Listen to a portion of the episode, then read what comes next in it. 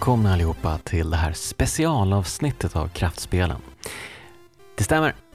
Nu kör vi igen och eh, jag har plockat in inte mindre än fem gäster till det här specialavsnittet. Det är ju helt sinnessjukt.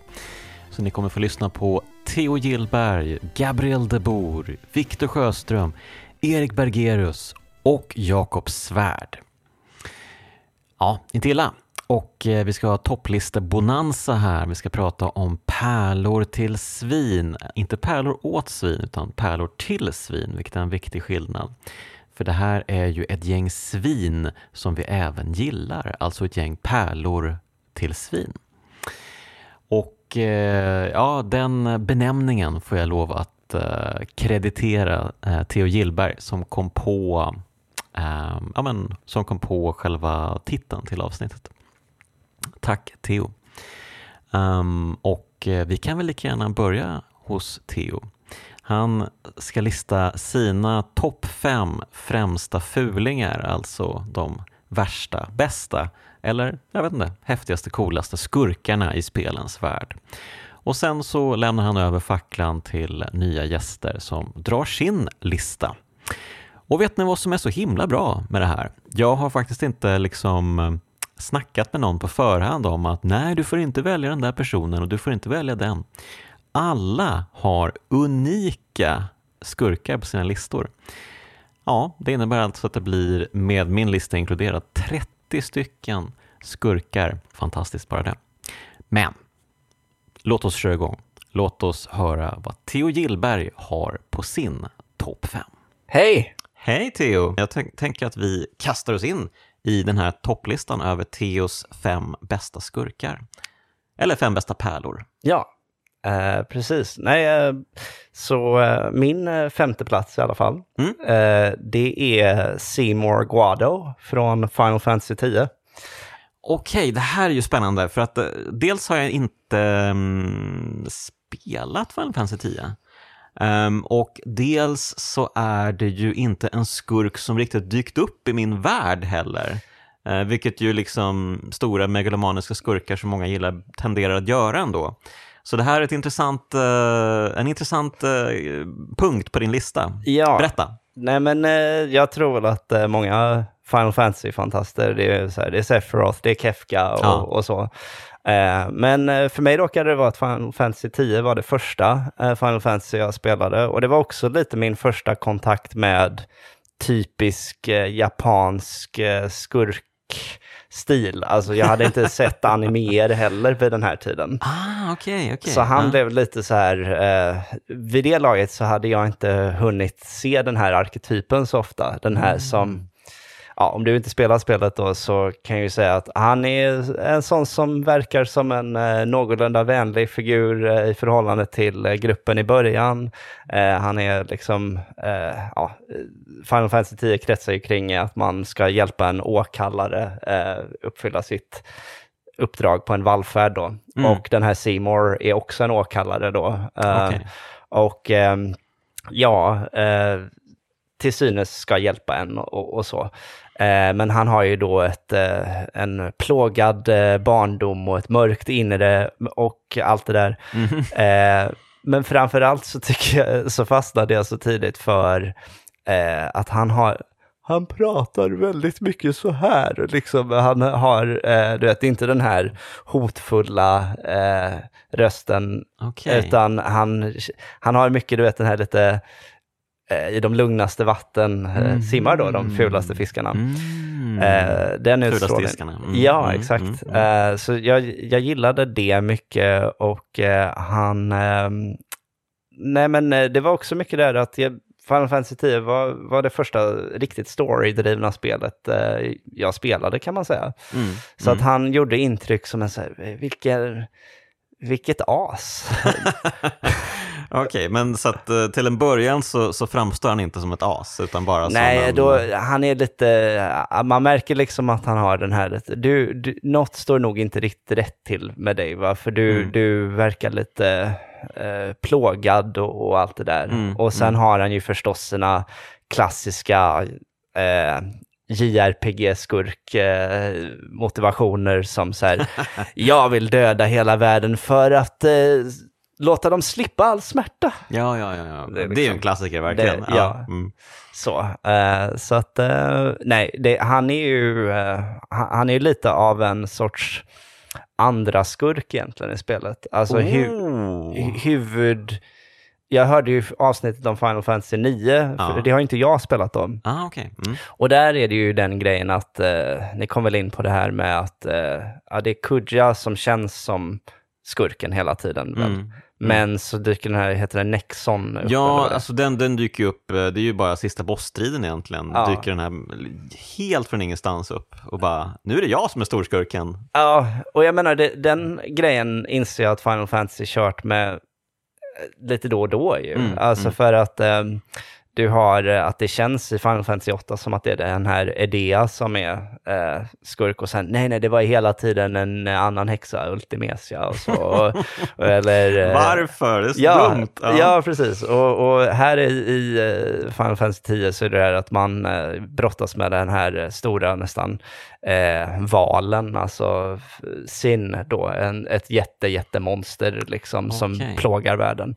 Och eh, Seymour, han vill styra den, eh, Ah, det här monstret på något sätt. Men sen hamnar man då att nej, det var ju någon annan som styrde och han är inte sista bossen, men bla bla. Självklart, självklart. Ja, ja men eh, bra, Ja. jag, jag, köper det. Eh, låter häftigt. Någon gång ska jag definitivt spela Final Fantasy 10, så jag fra- ser fram emot att stifta bekantskap med Seymour.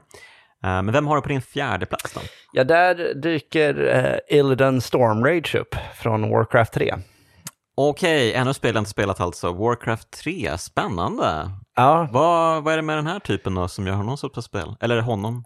ja, men han är också, skulle jag, eh, det blir, ja, det är väl typiskt att skurkar är lite så här arketyper och sådär, men han är ju då istället den, vad ska man säga, den missförstådda, liksom, som, eh, som ville, han råkade eh, söka sig lite för mycket till de mörka krafterna ungefär och, och det gick för långt och nu har alla stött ut honom och sådär.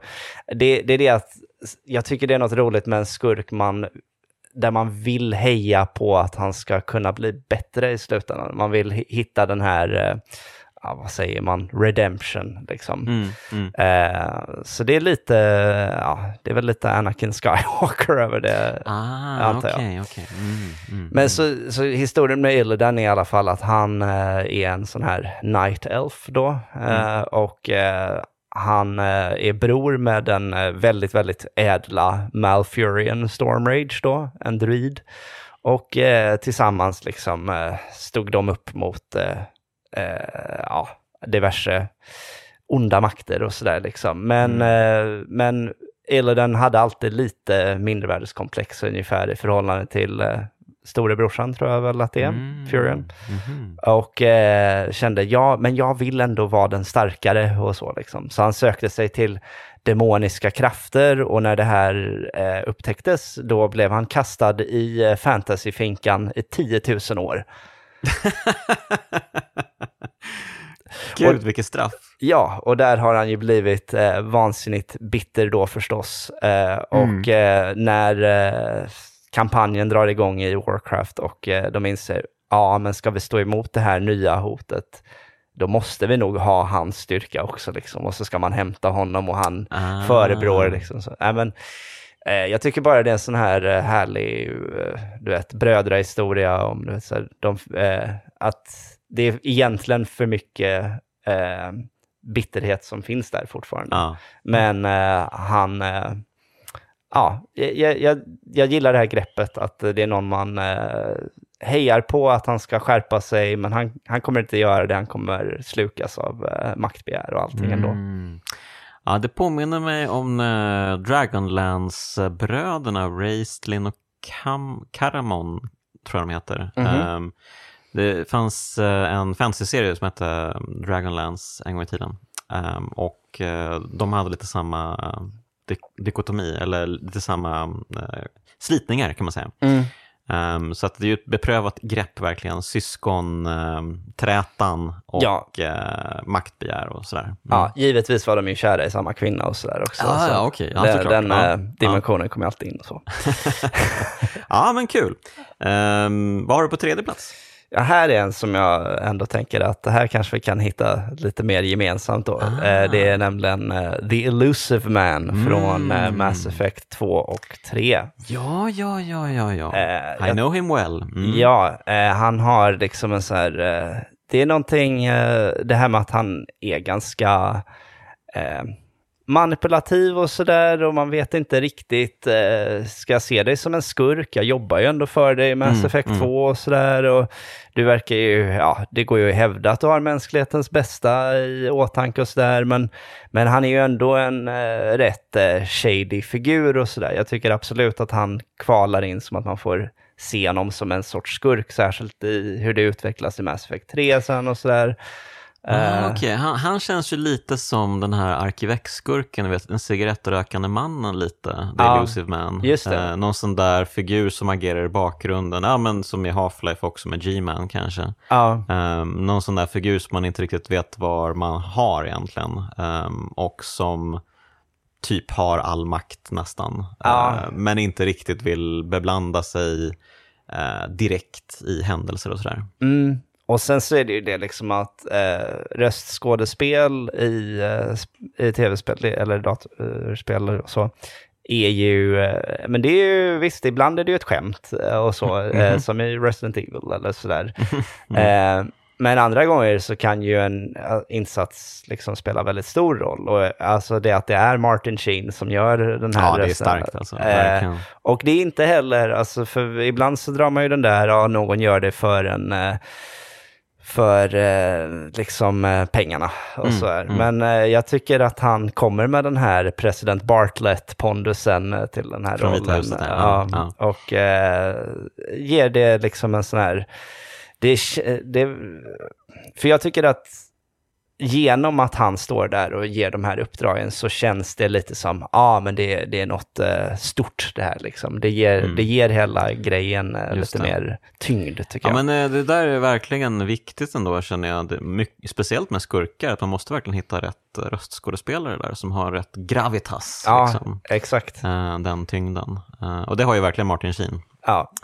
Eh, så att, ja, jag vet inte, alltså det kan hända att vissa skulle mena, vadå, han är ingen skurk. Det är Mm, så mm. Men jag tycker ändå, ja, det är grått nog att jag kan peta in honom här tycker jag. Ja, men han är ju den där härliga typen av skurk som man inte, man vet ju inte om man har honom ehm, och eh, man, man vill ju att han ska vara en skurk. Ja, exakt. Det, det är en väldigt härlig eh, detalj i det hela. Eh, man vet inte om han är en skurk, han kanske inte är en skurk, men man vill ju hemskt gärna att han är en skurk. Ja, precis. Eh, så här, det, man väntar, det är ju lite kul, man väntar ju nästan i Mass Effect på det här ögonblicket och det ska vara, eh, aha, jag har manipulerat det hela vägen och nu, du vet så här, Ja, den, verkligen. den ja. klassiska som de alltid kör, den här eh, vändningen och så. Mm. Eh, men den, eh, den kommer väl inte så uppenbart kanske någon gång eh, Nej, med honom. Och det är, ju, ja, det är ju på sitt sätt ett lite roligt sätt att vända på de där Mm. förväntningarna. Mm. Men nej, det är en absolut minnesvärd typ tycker jag. Då går vi vidare till plats nummer två. Ja, där har jag Ganondorf. Ooh, okej. Men en specifik sådan, nämligen Ganondorf från The Wind Waker. Ja, det är min favorit Ganondorf också. Ja, det är... Han, alltså Ganon är ju... Ja, I de tidiga versionerna så är han ju bara den här stora stygga grisen. Liksom. Mm, mm. Eh, de nyanserade lite med Aghanim där i eh, A Link to the Past redan, att han hade liksom ett mänskligt alter ego och allt det där. Och, Mm, mm. Men han är ju mer av en eh, ja, naturkraft för det mesta. Mm, eh, mm. Antingen... Eh, Ondskan personifierad. Ja, exakt så. Och ibland så kanske han eh, råkar anta mänsklig skepnad och så, men även då är han liksom, precis som du säger, eh, ondskan personifierad. Och det som är så eh, härligt med eh, Ganondorf i Wind Waker är ju att eh, ja, men, man, det är enda gången jag det är nästan enda gången jag sympatiserat med någon i Zelda-serien. Mm. Alltså, jag, Verkligen. så här, oftast så Link är ju rätt grå liksom. Det, han har ju ingen personlighet. Nej. Och eh, ja, Zelda inte så mycket heller. nej, och eh, ja, visst det är klart, eh, det dyker upp en och annan eh, just isk längs vägen i Zelda där man kan tänka, åh, det var ett lite deppigt öde, de här, Mm. eh, ja, det här paret i Majoras Mask som bara vill få återförenas innan månen faller ner och sådär, sådär, Just det, och pojken som blir förvandlad i A Link to the Past där ja, till... också, eh, ja, ja, mm, med flöjten. Med och- flöjten, ja, ja. Mm, absolut. Också en, eh, nej men så att det är klart att det har funnits inslag i Zelda-serien som varit smått, eh, ja men, eh, känslosamma så. Men det, det grejen med Ganondorf är att han beskriver så här, världen stals från mig. Mm. Så här, och han, eh, han, när han pratar om eh, det hela så, man har, eh, det är ju den här otroligt episka bossstriden mot honom i slutet också. Den spelar ju stor roll. Det, det är liksom... Det, det, Bästa slutstriden i ett Zelda-spel. Ja, och, eh, och, och absolut en, en sällsynt minnesvärd slutstrid i alla kategorier. Ja, verkligen. Mm. Det är för de som liksom nu eh, glömt det eller missat det, men det är ju liksom att man är nere på havets botten och står på någon form av, eh, ja, sån här, eh, jag vet inte, grekiskaktig plattform eller Mm, så här, mm. medan eh, vattnet forsar ner runt den och hela, ja, man står nämligen i eh, ruinerna också av gamla Hyrule. Mm, mm, Och precis. Ja. Ja, och kungen, den gamla kungen av Hyrule har just eh, rört vid Triforcen och önskat sig att gamla Hyrule bara ska få försvinna Mm. för, för evigt, liksom dränkas. Ja. Ah, fy fan, jag får rysningar bara du pratar om det. Det är Ja. så jävla bra. Ja, men det är, det är ruskigt bra och, och liksom han, För det är, ju, det är ju det här liksom bitterljuva som är så jävla bra i det här spelet. Det här att, Ja. ja, ja vi, vi, vi har sett eh, världen förstöras, men vi har ju faktiskt byggt upp en ny värld och ovanpå liksom på askan, eller ja, på, på vattnet från den gamla världen. Eh, vi har ju skapat något nytt och, och vi har det ju bra liksom. Vi har ju gått vidare liksom. Och sen så kommer Ganondorf och bara, vi ska tillbaka till det gamla, till det förflutna. Jag eh, kan inte försonas med den nya världen liksom. Det är Nej. helt omöjligt för mig. nej men precis, och, och att eh, det, så det har de dimensionerna och sen liksom han, när han ser det här liksom att ah, men nu, nu händer det, Triforcen fick kommandot liksom, så det går inte att stoppa nu heller, Mm, den här mm, mm. Och så till sist, han har ju också behandlat Link och Zelda som så här, nej men jag bär inget specifikt agg mot er, jag, Mm. men jag behöver kraften ni sitter på, jag behöver era liksom, delar av Triforcen och så. Just det. Mm. Eh, men sen liksom när han ser att allting har gått om intet och så, och det finns inget kvar att hoppas på, att han tar striden mot den mer som en sån här, ja, va, det här var det värsta. Alltså nu, ja, ja, Mm. det finns inget annat än att bara hämnas antar jag. Jag är så uppgiven. Ja men precis, Ja, men han inser väl att eh, han kommer ju dö Ja. eh, och eh, det är kört. Men jag kanske kan döda Link åtminstone. Ja, precis. Och, och, Det är ju väldigt, väldigt basalt egentligen, men, men det, man, man fattar det, man, man empatiserar med det beslutet också. Ja, ja men så här, liksom, ja, du, du är asförbannad och uppgiven och ja, du, det ligger inte i din natur att bara lägga dig ner och dö liksom. Nej, Nej men eh, det är jävligt bra och eh, det är ju framförallt en väldigt cool fight också. Det är ju roligt, det är en rolig strid att, att göra mot Ja. Ganondorf här i slutstriden. Ja, jag tycker också det. Ja, det är ju inte liksom så superkomplicerat det här med tryck på av i rätt läge och få in den här pareringen och så Mm. och, och allting. Men ja, jag gillar det där också när man kommer till andra fasen av den Mm. eh, striden. Då börjar han göra någon sån här ruskigt eh, cool eh, parering eh, på ryggen. Just Han sätter liksom sina svärd i någon sorts Ah. eh, T nästan och blockerar Fy fan, alltså. dubbelt. Ja, men han, har- han har aldrig varit coolare. Nej, och nej. aldrig liksom, men han är ju så, han är så sorglig i, i Wind Waker, men han, han är samtidigt så jävla cool. Ja, ja, ja. Han känns mycket mer som en så här... Eh, Alltså, han, han känns mer som en så här typ legendarisk samuraj eller någonting. Mm, verkligen. verkligen. Eh, Mm. Istället för liksom den här bara djävulen i princip, Ja, som han ja. annars eh, framstår som. Och Ja, men, ja, exakt, han är, han är en rånare, en herrelös samuraj, han har inte sitt land längre. Det är därför han stryker omkring som en osalig ande på haven istället. Ja, men e- e- exakt så. Och, och han eh, har också den här, när han pratar om, eh, han, han pratar om, ja, här är faktiskt ännu lite faktiskt av en Anakin Skywalker-referens, men han pratar om hur han växte upp i ett så kargt land. Av, det var bara öken och, och sand så långt ögat kunde nå. Liksom. Mm. Och inga av de här rikedomarna som, som Hyrule representerade. Mm, mm. Eh, han säger ungefär någonting i stil med “The wind of prosperity blew across Hyrule and I coveted that wind”. Han ville liksom Ja. få en Ja, smak men av det själv. Det, liksom. det är faktiskt uh, jävligt uh, liksom, poetiskt beskrivet för en gångs skull också i ett Zelda-spel. Jag tycker att mycket liksom funkar med Ja men framförallt med Ganondorf story i Wind Waker och eh, jag vet inte om det liksom är slaget i sten att det är samma Ganondorf som i Ocarina of Time men man kan ju åtminstone liksom förmoda att det är så. Eh. Ja, precis. Jag tror det är också en rolig grej med Wind Waker i allmänhet, det här att det var ett spel som faktiskt knöt ihop Zelda-spel på ett intressant sätt för en Mm. gångs skull. Det har ju ett väldigt coolt intro tycker jag också. Det är den här eh, Mm. som är gjord som en sån här, vad kallas sådana där medeltida? Ja.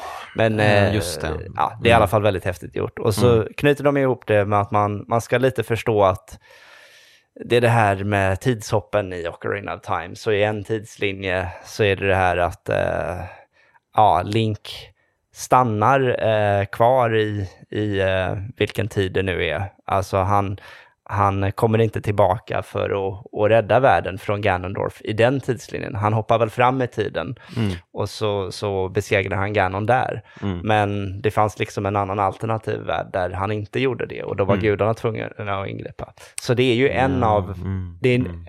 det är ändå på något sätt uttalat att det är samma Det är någon Ganondorf. sorts kanon i alla fall Ja. kan man säga. Mm. Precis.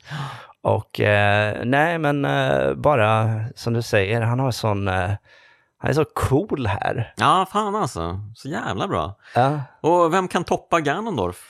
ja eh, där är det ju det att eh, det är lite, det är ju rätt otippat när jag ändå varit så positiv. Men jag valde faktiskt en rätt otippad från Fire Emblem, The Sacred Stones, nämligen Leon.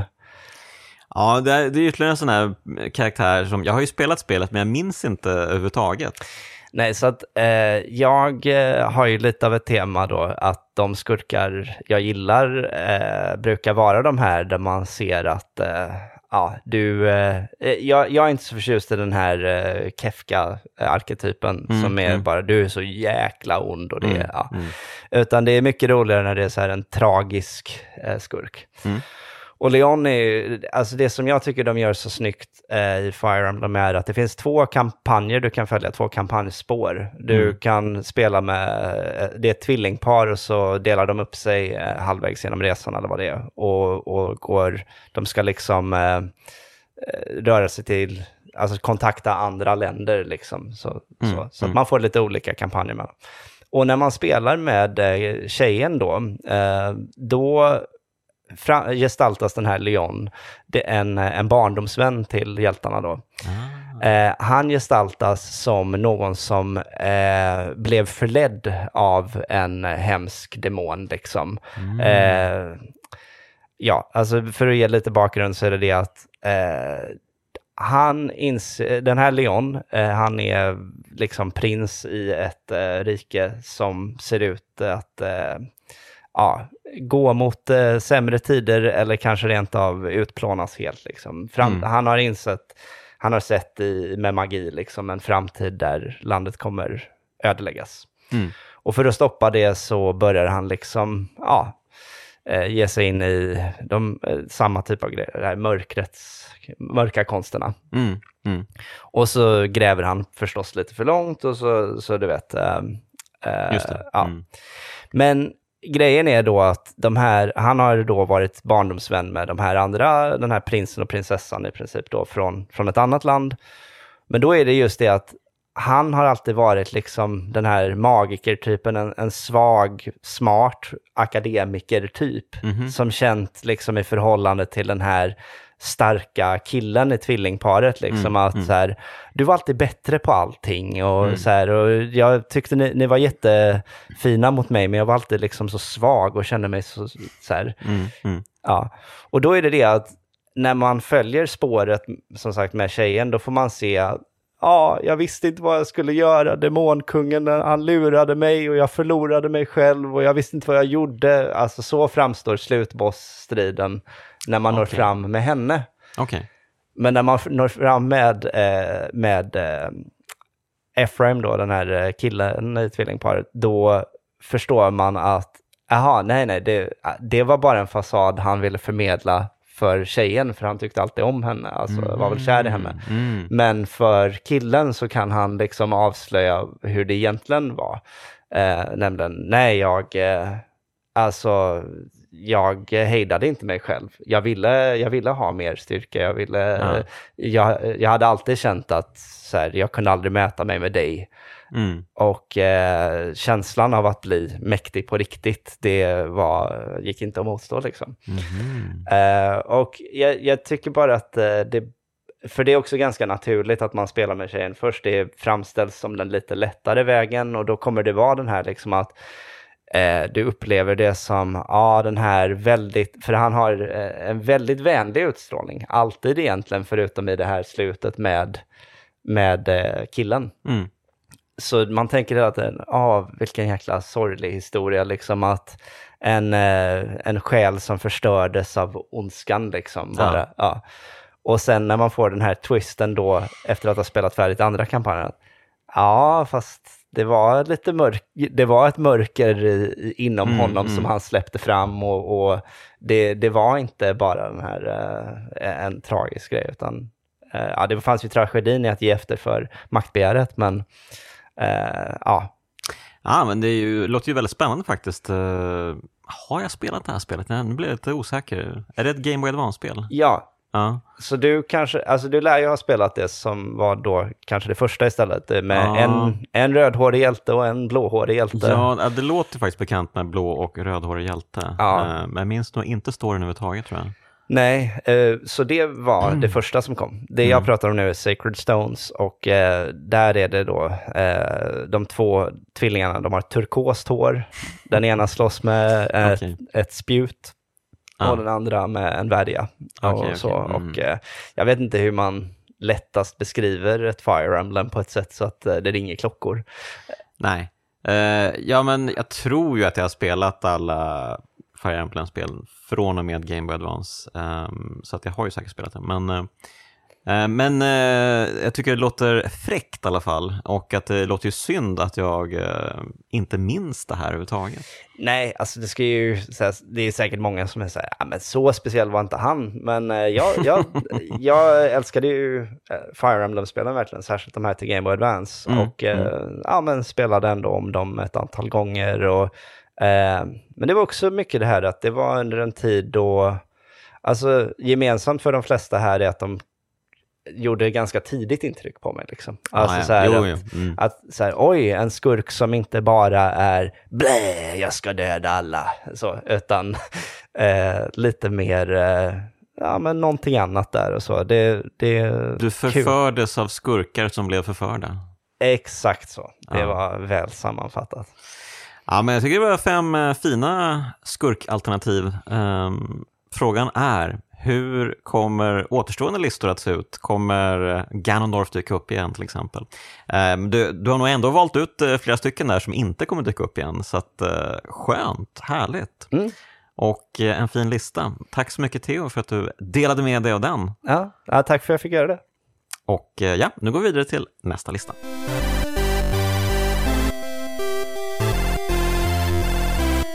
Och då har vi kommit till den fenomenala Jakob Svärd i den här genomgången av finfina skurkar som vi håller på med här. Um, hur är läget med dig Jakob? Jo, det, det är bra med mig. Vad fint att du presenterar mig som, som liksom nästa, nästa punkt på den här listan över fin, fina skurkar.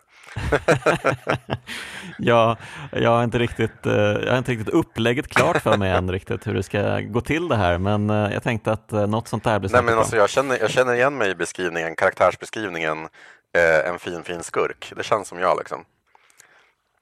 Ja, du ja. ja. ja du är en fin, ja. skurk. Ja. Men, men det, det antar att det krävs en för att se Exakt. en. Och det är därför vi har dig med här i det här avsnittet, ja. Jakob.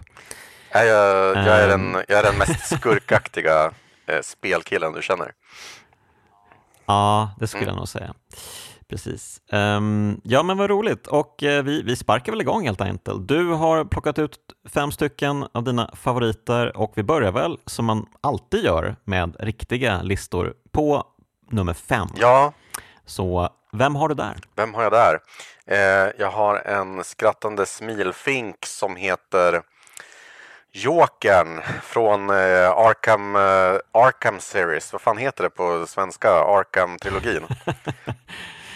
Ja, just det. Arkham Asylum, Arkham City, Arkham ja. Knight. Eh, och det är ju en härlig kille det här, Jokern, i, i Rockhams Nej, vad Rockham. Nu, nu kombinerade jag Arkham och Rocksteady till Rockham. Men vi, vi refererar till dem som Rockham tycker jag i det här avsnittet. Eh, mm. Rockhams eh, roligaste superskurk är ju, är ju Jokern helt klart. Eh, det är ju en mm. karaktär som, som spelas av Luke Skywalker, Mark Hamill, eh, med mm. den stora mm. äran, eller håller du med?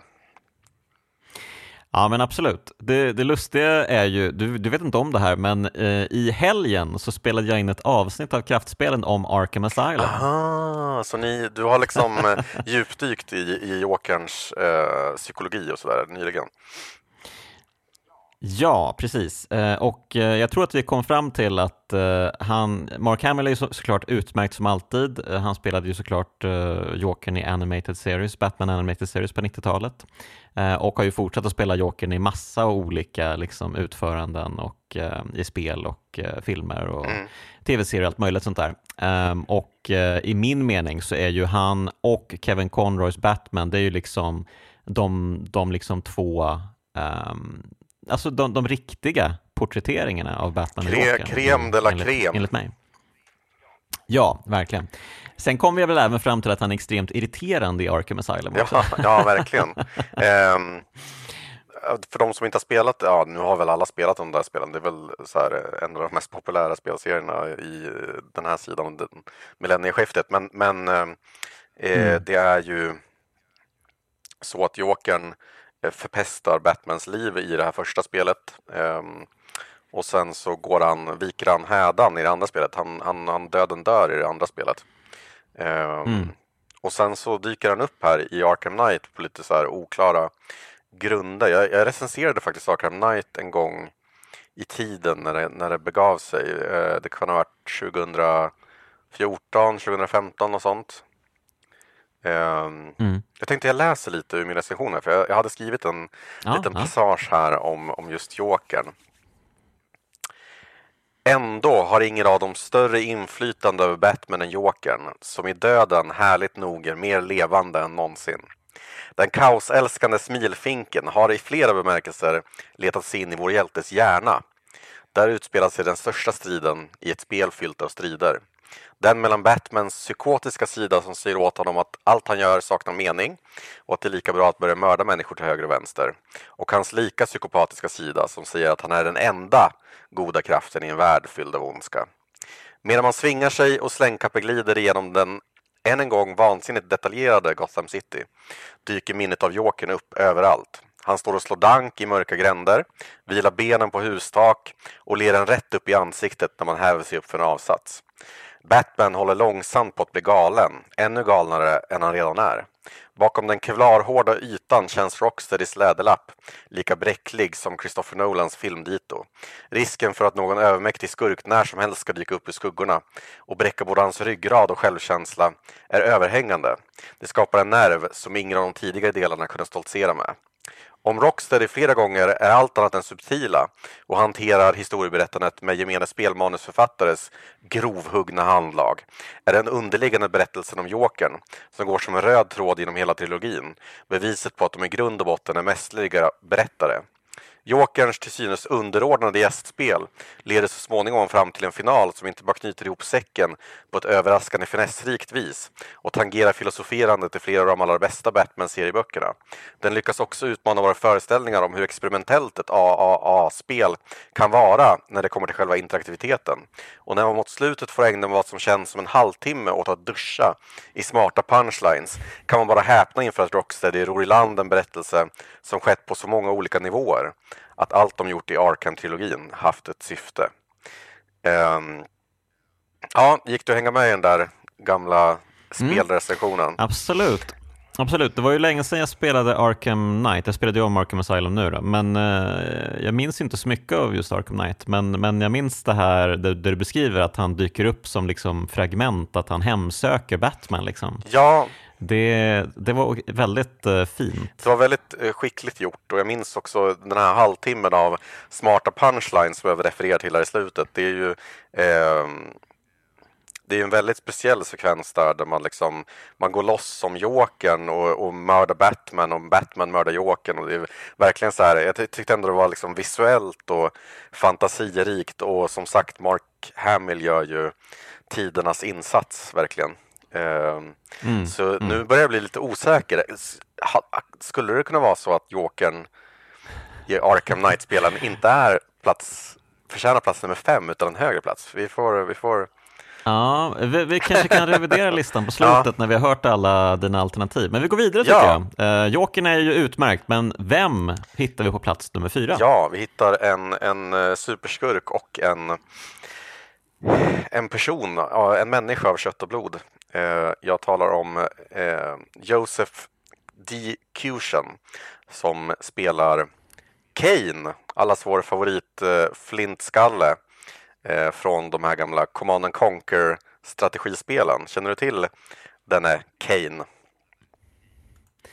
Ja, oh ja, absolut. Men du, det var länge sedan jag spelade de spelen. uh, här måste jag nästan göra en snabb googling känner jag. Ja, nej men han... han uh, men berätta lite om Kane. Ja, han var ju en väldigt här, ikonisk uh, skalle som dök upp i sådana här härliga FMV-sekvenser som liksom kryddade de här strategisekvenserna mellan banor och sånt där. Så fick man stifta bekantskap med den här onda despoten Kane som mm man kämpade mot redan i första Command Conquer-spelet.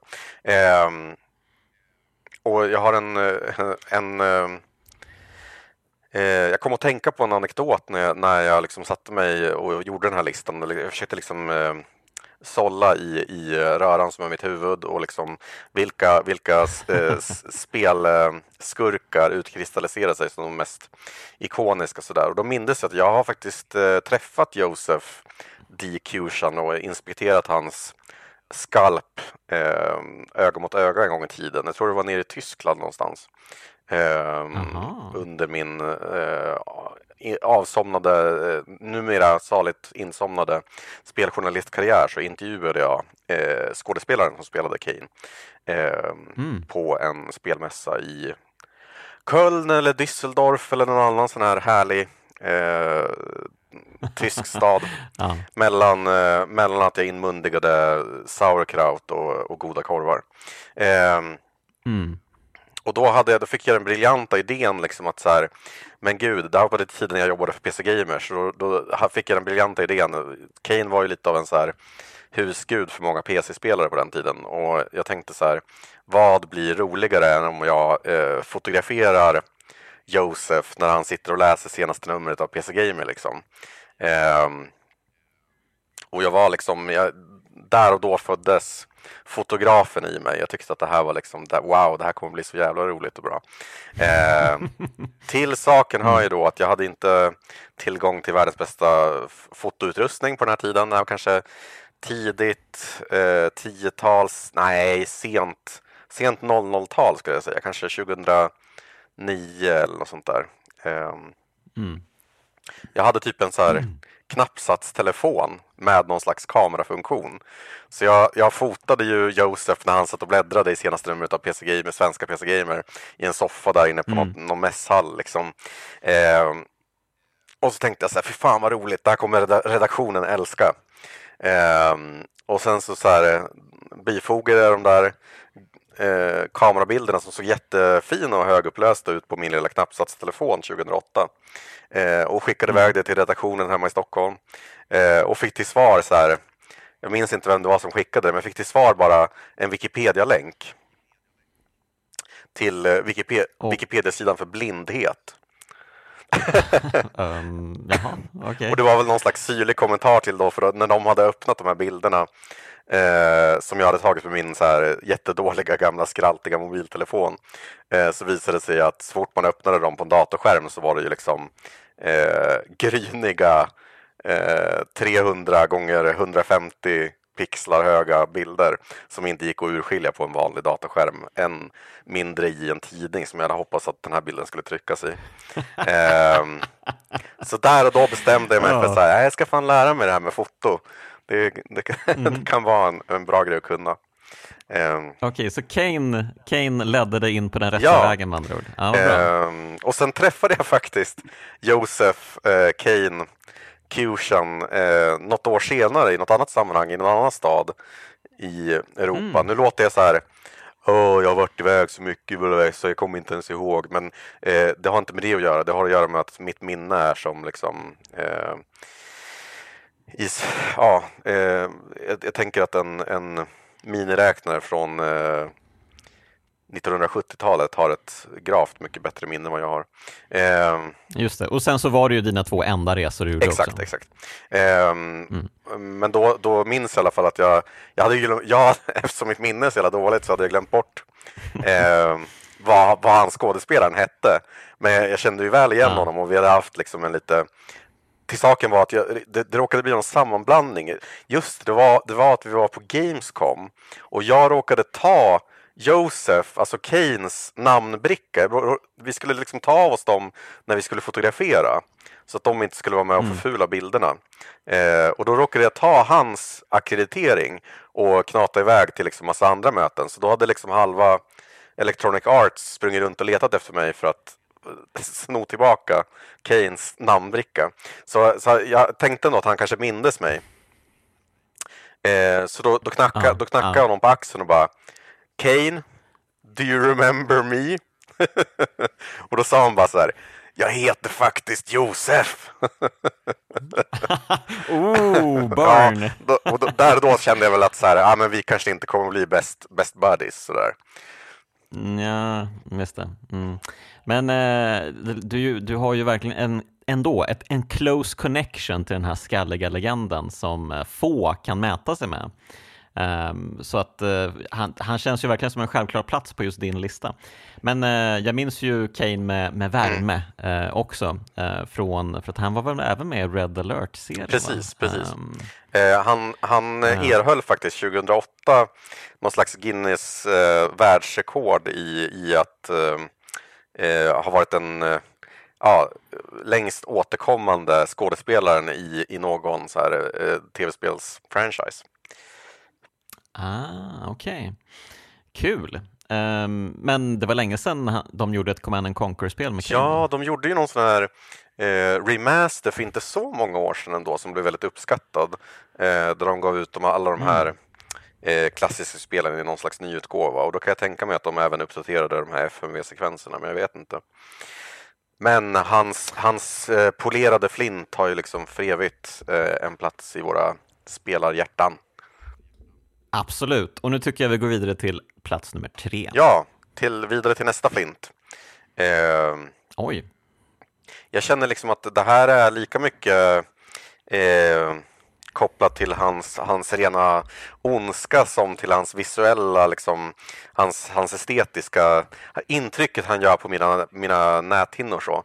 Eh, och det är ju Dr. Robotnik, eller Eggman eh, från Sonic-spelen. Oj, oj, oj, oj, äh, det var nästan otippat. Var det Ja, men han är ju en, su- ja. han är en superlöjlig eh, spelskurk liksom, men, men Alltså handen på hjärtat, är det inte en av de spelskurkar man liksom eh, när man liksom tänker sig sinnebilden av en spelskurk, han dyker ju upp där ganska tidigt. Jo, absolut. Eh, och eh, sen har väl han vunnit mycket på att Jim Carrey porträtterat honom i filmerna mm. också, um, tror jag. Så att nu har man väl jag tror att man har ett, liksom, jag tror att han har ett högre anseende i spelvärlden efter filmerna. Okay. Um, ehm, tidigare vet jag inte riktigt. Uh, jag har väl alltid sett honom som bara en fjant. ja, men han är, han är ju en fjant, men han är liksom tidernas härligaste fjant tycker jag. Um, okay. Mm. Och uh, jag älskar liksom när man letar efter uh, information om denna uh, härlige fjant doktor Robotnik så kanske man snubblar över den svenska Wikipedia-sidan, den svenskspråkiga eh, Wikipedia-sidan för Dr. Robotnik. Eh, och jag tyckte bara att det var så härligt formulerat där hur de beskriver honom. Eggman är en ond man som försöker ta över världen med hjälp av robotar. Och Sonic måste komma på robotarnas svagheter. Ro eh, Dr. Robotnik är en fet vetenskapsman med ett IQ på 300. Har du hört någonting fjantigare? Oj. Ja, men, eh, jag fattar inte heller riktigt det här med, med Eggman och Dr. Robotnik. Um, alltså, kallas han Eggman av Sonic eller var, var kommer Eggman ifrån? Och, och, eh, är det Eggman eller är det Dr. Robotnik? Uh, vad, kan någon bringa klarhet i det här? Jag, jag, jag tror faktiskt att han heter eh, Dr. Robotnik, men att han kallas mm. Eggman. Um, ah, okay. Ah, okay. Så det är ju någon typ av eh, smeknamn på honom. Eh, men det här är ju liksom ingen... ingen alltså jag, jag, vill bara föra det protokollet för det är så oerhört viktigt för mig att framstå som eh, en man av, av smak och, och något slags eh, erfarenhet. Ja. Sådär. Eh, jag, jag tycker alltså inte att det här är en väldigt tankeväckande och intressant karaktär. Jag tycker att han är så fjantig och härligt fjantig att han eh, mm, brottar mm. sig in på den här listan. Okej, men före Jokern alltså? Mm -hmm. Ja, som sagt, jag, ja. jag blev lite... som sagt. Mm, mm, mm. Ja, men vi går vidare ja. då. Plats nummer två, vem hittar vi där? Där hittar vi faktiskt, nu, nu, eh, nu skyller jag på mitt eh, inte så goda minne då, men, men det som står ut för mig det är ju liksom de senaste årens spelskurkar kanske i eh, i kontrast till lite så här äldre klassiska. Men det känns också så jävla tråkigt att säga typ så här Ganon och Bowser. Eh, jag ber om ursäkt om någon annan i det här avsnittet eh, pratar om dem. Eh, det ska man såklart göra, men jag ville försöka hitta eh, lite mer otippade eh, favoriter hos mig. Och då, då mm. eh, en sån här spelskurk som jag har ändå tyckt var väldigt välspelad de senaste åren, det var, det var Odin i God of War Ragnarök. Ah, jag har inte spelat det. Okej, okej. Okay, okay. eh, det är en väldigt så här e-, enigmatisk och eh, eh, vad ska man säga? Eh, Ja, väldigt, väldigt själfull rolltolkning där. Vi ska, nu har jag inte namnet på, horn, eh, på öron, trumhinnan, eller vad man nu säger. Eh, någon hinna har jag det definitivt inte på. Eh, vem som spelar Odin i God of War Ragnarök, men det kan man väl snabbt googla sig fram till. Eh, Odin, God of War. Vi måste ju hylla den här gubben, eh, gissar jag, som har spelat Ja, Odin. Bam, bam, bam, bam. Ja, Rickard Schiff heter Rickard han. Schiff. Bra jobbat Rickard Schiff. Eh, nu har inte du spelat eh, God of War Ragnarök, men, men eh, eh han lyckas verkligen med det här eh, att vara en spelskurk eh, som är extremt sympatisk och eloquent och vältalig sådär. på mm. ett sätt som gör att man, alltså jag, jag blev ändå lite förvånad över att det är så här, Eh, man hade klart för sig sedan de tidigare spelen att, att liksom Odin är the big bad, men under större delen av det här spelet så får man ju spela som, eh, vad heter, vad heter eh, God of Wars lillebror, eller vad heter eh, son? Atreus. Atreus. Man får ju spela som den här lilla killen Atreus. Eh, och då, då hamnar ja. man liksom i, i Valhalla tillsammans, mm. tillsammans okay. med, eller ja, är det Valhalla? Det kan också vara någon annan sån här myt mytologiskt eh, förankrad vikingastad, hur som helst. Man hamnar tillsammans mm. och under liksom Odins mentorskap eller vad man ska säga.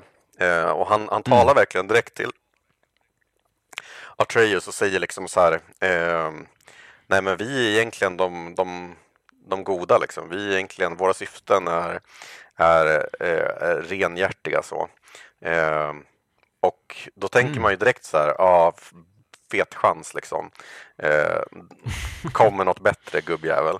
Men ju längre det där håller på, desto mer förvånad blev jag över att jag liksom verkligen till slut var så här, men eh, det här kanske är en jättenyanserad spelberättelse som berättar om liksom att eh, vi tillskriver eh, skurkaktiga drag till, till någonting för att motivera oss som, som människor. Så där. Jag började verkligen köpa att så här, nej men det är ju, det är ju Odin som är snällisen. Liksom. Det, det är Kratos som är lite korkad. Liksom. Eh, Oj, men det är starkt. Det är starkt och det beror mycket uh. på just den här rollprestationen som är väldigt sådär eh, organisk och dynamisk. Eh, verkligen mm, mm. jättebra. Mm. Mm. Så Kul. Det är en spelskurk eh, som står ut i mitt minne, åtminstone till eh, fram till nästa års lista eller sådär, där, när jag har glömt bort det här helt. Men vad roligt, för att man var ju, eh, jag var ju ganska besviken på alla gudar i originalspelen, mm. God of War-spelen som var i Grekland.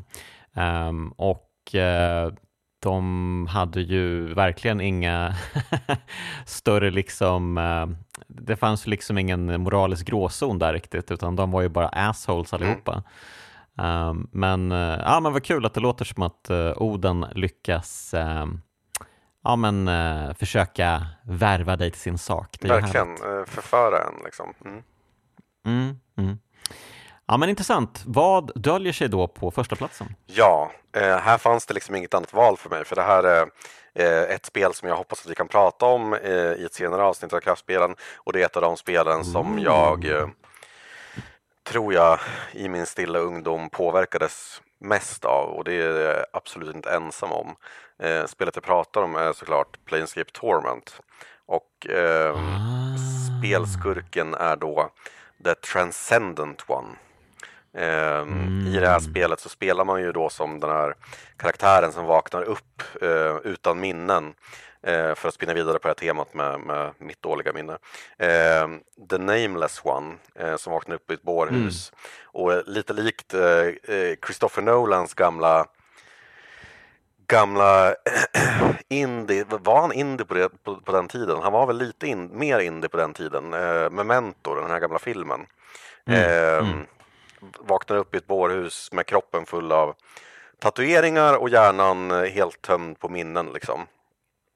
Mm. Eh, och sen är det väl egentligen en lite så här memento-liknande historia här. Eh, The Nameless One beger sig ut i eh, den här Planescape-världen som är full av väldigt intressanta karaktärer och platser och miljöer och sådär. Och idéer faktiskt. Ehm, mm. Och eh, tvingas liksom eh, titta på sin egen kropp och eh, tolka de här tatueringarna han har på sin, på sin, ehm, på sin lekamen för, för att liksom förstå sig på eh, karaktärers motivationer, sin egen motivation. Eh, för, för grejen med The Nameless One får man ju reda på efter ett tag är ju att han är en odödlig. Mm. Som eh, har levt många, många liv på den här platsen. Eh, och det här, det här liksom eh, avtäcks på ett väldigt, väldigt intressant sätt. Man liksom följer massa olika liksom, eh, ambitioner och personer och, och öden och sånt där eh, likt i ett ganska klassiskt spel. Men så gradvis börjar man upptäcka att liksom de, de här personerna som man hör talas om och, och liksom fruktar och eh, eh, letar efter. Eh, det är någonting som inte stämmer. Liksom. Eh, de här personerna eh, visar sig så småningom vara eh, du själv i ett tidigare liv. Och där, idag så låter det här som en ganska... Eh, jag vet inte om den är så uttjatad eller klichéartad men det är åtminstone inte lika häpnadsväckande som det var för, för, för mig då i min eh, 12-åriga eller vad det nu kan ha varit hjärna. Eh, Mm, men, mm. men det var ju verkligen Nej men, eh, ja men verkligen, det kom väl, det kom väl ungefär samtidigt som Me- Memento? Ja, jag tror faktiskt att spelet var något tidigare än filmen, kanske något år eller två, men, men eh, Oh, verk, verkligen okej. i jämnhöjd sådär. Ehm, Mm. Och eh, den här The Transcendent One, eh, det visar sig då vara eh, ett, en slags förkroppsligande av den här dödligheten som har skilt, skilt från eh, din kropp. Eh, så hela spelets liksom, slutstrid är egentligen en Det, det utspelar sig liksom lite likt i eh, Disco Elysium eh, som en enda lång eh, Mm. dialog liksom, med din egen dödlighet. Eh, där, man, där man på olika sätt tvingas resonera kring den här övergripande filosofiska frågan. Då, eh, vad, kan, vad kan förändra en människas natur? Eh, Och eh, på den tiden, då hade jag inte ens börjat gymnasiet, men, men på den tiden var det här liksom filosofi på hög nivå eh, för den, li- den Ja. lille Jakob Svärd. Eh, Mm, och eh, därför så etsade sig The Transcendent One fast som eh, en av de liksom eh, smartaste och eh, mest intressanta spelskurkarna i spelhistorien. Wow, men det var inte så mycket för hans personlighet utan för det han förkroppsligade helt enkelt. Det han förkroppsligade och den eh, fantastiskt välskrivna eh, dialog. Eh, nu ska vi se, det är Chris Avalon som skrev det här en gång i tiden. Eh, Så det är ju liksom en, en eh, det, det, det är på någon slags här eh, semi-intellektuella meriter som The Transcendent One letar sig in på min eh, topp ett. Självklart. ja, men jag är inte missnöjd med ettan, den var ju kanon verkligen, härligt. Ja, vad roligt. Ehm, men, eh, men känner du dig att, känner du att listan är solid då? Eller vill du eh, switcha runt lite platser? Alltså jag funderar ju nu här på om Dr. Robotnik ska få eh, ta hissen ner till femteplatsen faktiskt. Alltså det här med att han är en, en, en liksom eh, form och figur som har etsat sig fast på, eh, på, på i ögat så att säga. Eh, det kanske inte riktigt det kanske inte riktigt är så att han förtjänar en tredje plats enbart i, i form av att vara en löjlig man i mustasch med ett IQ på 300. Eh, vi, vi, vi kör så att vi byter plats på eh, vi byter plats på först Jokern och Kane eh, och sen så byter vi plats på eh, Jokern och Dr. Robotnik. Så min nya topp 5-lista ser ut så här. På plats 5, Dr. Robotnik.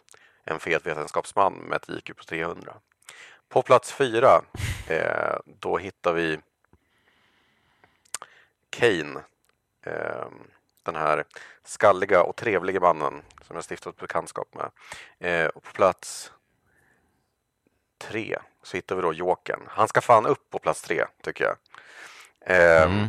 Ja, helt rätt. på plats två så hittar vi Odin från God of War Ragnarök. God of War Ragnarok.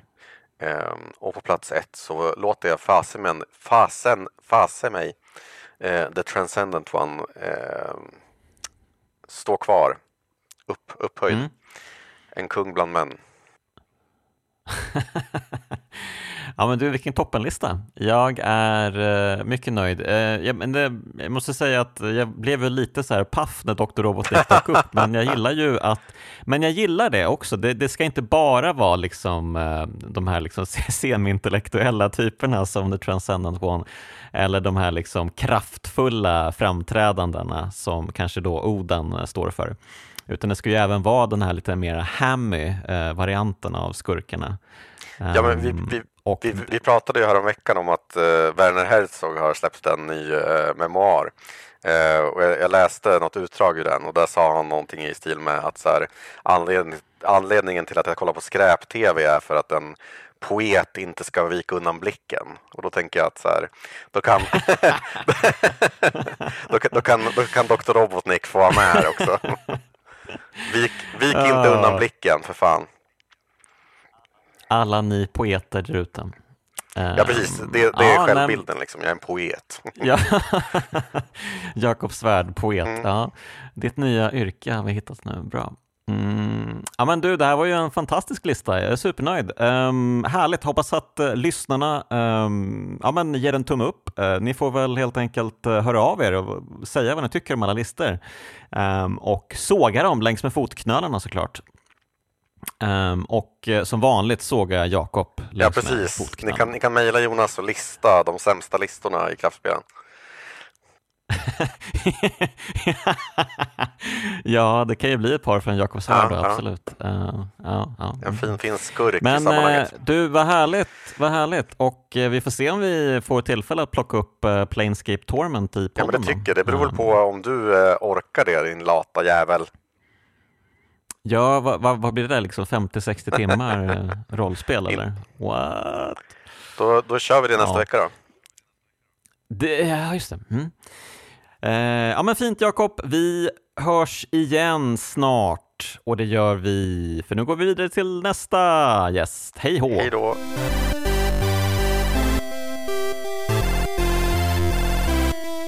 Och nu har turen kommit till Gabriel de Boer, en gammal favoritgäst här i Kraftspelen, som eh, ska bidra med sin lista över ett par riktiga svin till skurkar.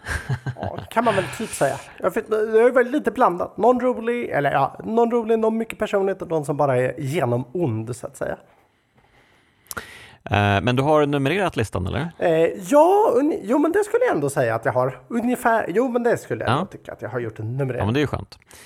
Man vill ju göra en klassisk 5-4-3-2-1. Men ska vi ta köra igång då med plats nummer fem? Det tycker jag. Vilken är din eh, ja, men, femte främsta eh, fuling? Ja, men där blev det Mother Brain från Metroid-spelen och kanske framförallt Super Metroid. Um, Mm. Och ja, nej, men jag stod lite så här, jag satt och tänkte på olika skurkar och liksom fulingar så att jag tänkte vem har liksom påverkat mycket, vem är jag vem jag hatat så att säga. Och så kände jag bara, men det måste bli Motherbrain.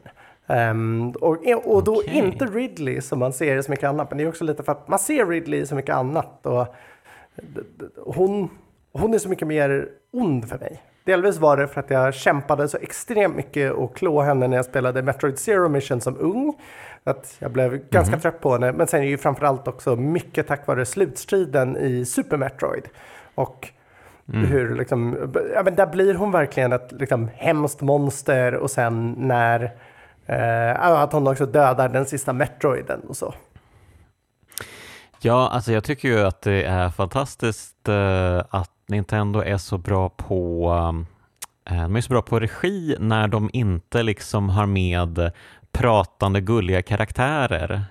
Yep. de kan ju faktiskt göra jätte, jättebra liksom, eh, scener och, och, och liksom, de kan ju bygga karaktärer med väldigt få Um, alltså karaktäriseringar. Uh, Motherbrain är ju, hon, eller hon får ju typ egentligen inte tillfälle att um, uttrycka någon sorts personlighet egentligen, men, men med, så, med så få medel lyckas de ändå göra henne till en fruktansvärd skurk här i slutet på Super Metroid. Gud ja, och det, är ju, och det är väl lite därför jag kände att hon också platsade in där, för att jag, jag kände att jag vill ha in någon av de här liksom, lite retroskurkarna som man har haft som har betytt mycket för en men som samtidigt mycket med lite. Och jag menar så att jag tänkte sånt som det Bowser, men kände nej, Bowser han är, för, han är för blandad, han kan vara kul, han kan vara en, liksom, någon man go-kartar med, han är lite av ett skämt. Och då var det liksom så här, men, men Motherbrain för mig, hon har på något sätt alltid varit en, ja men en som jag mindes som så här, men det här var, var hon gjorde också något som gjorde väldigt ont och det var just liksom mm. slutstriden i Super Metroid. Kände jag bara, nej, men då, då måste man hamna där ändå.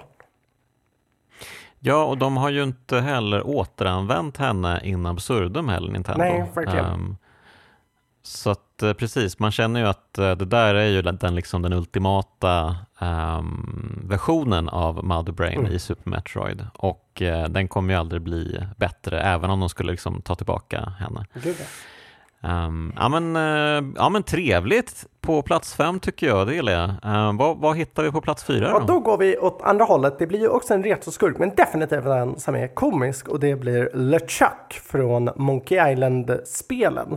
Men jag skulle väl säga kanske lite extra mycket från Monkey Island 2, LeChucks Revenge. Där han får lite extra utrymme och liksom shine through. Ja, ja men eh, verkligen en komisk eh, skurk som, ja men han är ju verkligen i sitt esse just eh, tvåan precis. Och eh, ja, nej men det är ju en skurk som, ja, han, han blev inte heller riktigt bättre än han blev i, i tvåan, eh, tycker jag. Eh, han gjorde verkligen sitt eh, standout performance i just eh, Monkey Island 2. Ja, men precis. Ja.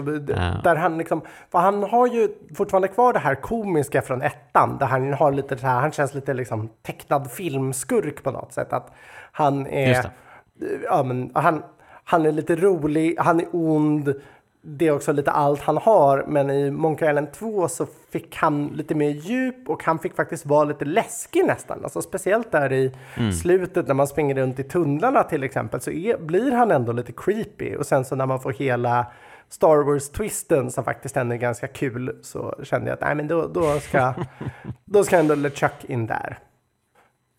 Mm.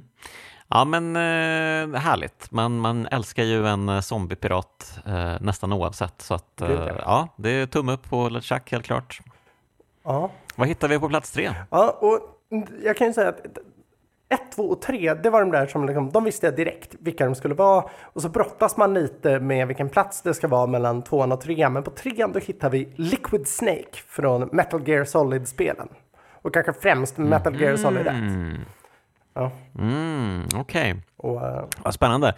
Ehm, men okej, du väljer Liquid Snake. Eh, vi pratade ju senast i, när vi pratade om Metal Gear Solid 3 att vi båda gillar Revolver Ocelot, Japp. men och du väljer ändå Liquid Snake över honom här. Japp, och det var mest för att jag satt och funderade. Jag satt och brottades mellan Ocelot eller Snake.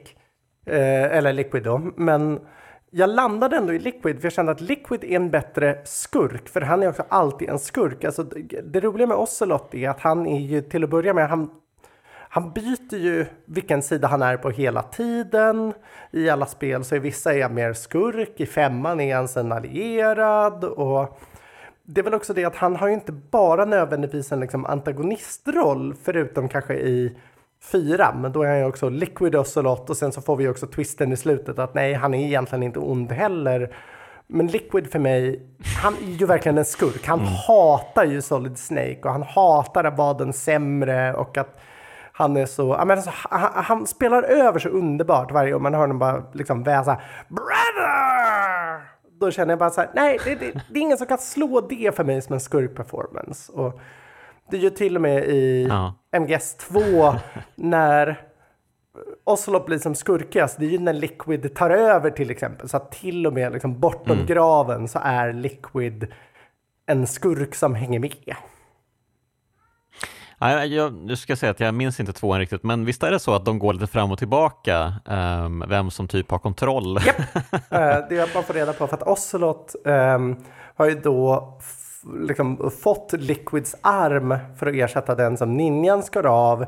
Och då och då så tar liksom Liquid över. Ehm, och det har en förmåga att alltid hända under väldigt jobbiga moments när liksom, ja, nu ska Ocelots plan gå i lås, men åh nej, nu dyker Liquid upp och nu ska han bli jättearg på Solid Snake och paja eh, Ocelots plan, för han ska istället hämna på Snake. Och så.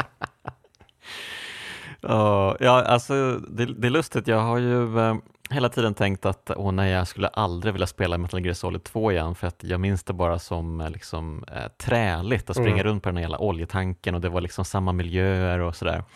Men ah, det här låter ändå som någonting jag skulle vilja uppleva igen än, Ja, men- ändå. Ja, men det är, ett spel, det är ett spel jag också tyckte blev bättre när de andra kom ut. Och det är ett spel som jag tycker har blivit mycket bättre med tiden. Alltså att, eftersom både vad det handlar om, att det handlar liksom mycket om digital kultur och att det är ungefär Kojima som gör ett spel där han säger jag kan aldrig göra en uppföljare till Metal Gear Solid. Så nu får ni ett spel där jag förklarar att jag inte kan det. Men sen så kom de som efter som liksom Snake Eater och Phantom Pain och så. Att då är det lättare också att uppskatta MGS2 för vad det faktiskt är. Mm. Ja, nej, men, eh, men jag minns ju absolut eh, hans härliga liksom, eh, scenery chewing performance Japp. i ettan och eh, det, det är ju bara att hålla med. Han är ju helt eh, bananas och eh, det måste man ju verkligen uppskatta när de verkligen goes for it, skurkarna. Ehm, så att, eh, ja men också en solid, eh, hmm, solid Mm. eh, inslag här på listan. Ehm, vad hittar vi på plats nummer två då? Ja, och andra platsen går i samma tema med en scenery chewing blondin som också kom från Playstation-eran, för där har vi ju Albert Wesker. Ehm, och det känns som att han och Liquid, de är lite samma skola på något sätt. Ehm, Ja, det får man ju verkligen säga. Ehm, han, det är ju ja, apropå skurkar som vägrar dö, ja precis. Han, eh, ja, men jag, jag har alltid haft ett gott öga till Albert Wesker just för att han är så eh, serietidningsond. Liksom. gud, ja. Jag kan verkligen uppskatta det i en skurk. Eh, att man inte bara försöker, åh jag ska förklara honom, åh men han har egentligen den här tragiska backstoryn. Äh, han är ju ett jävla svin, Japp. det, that's it.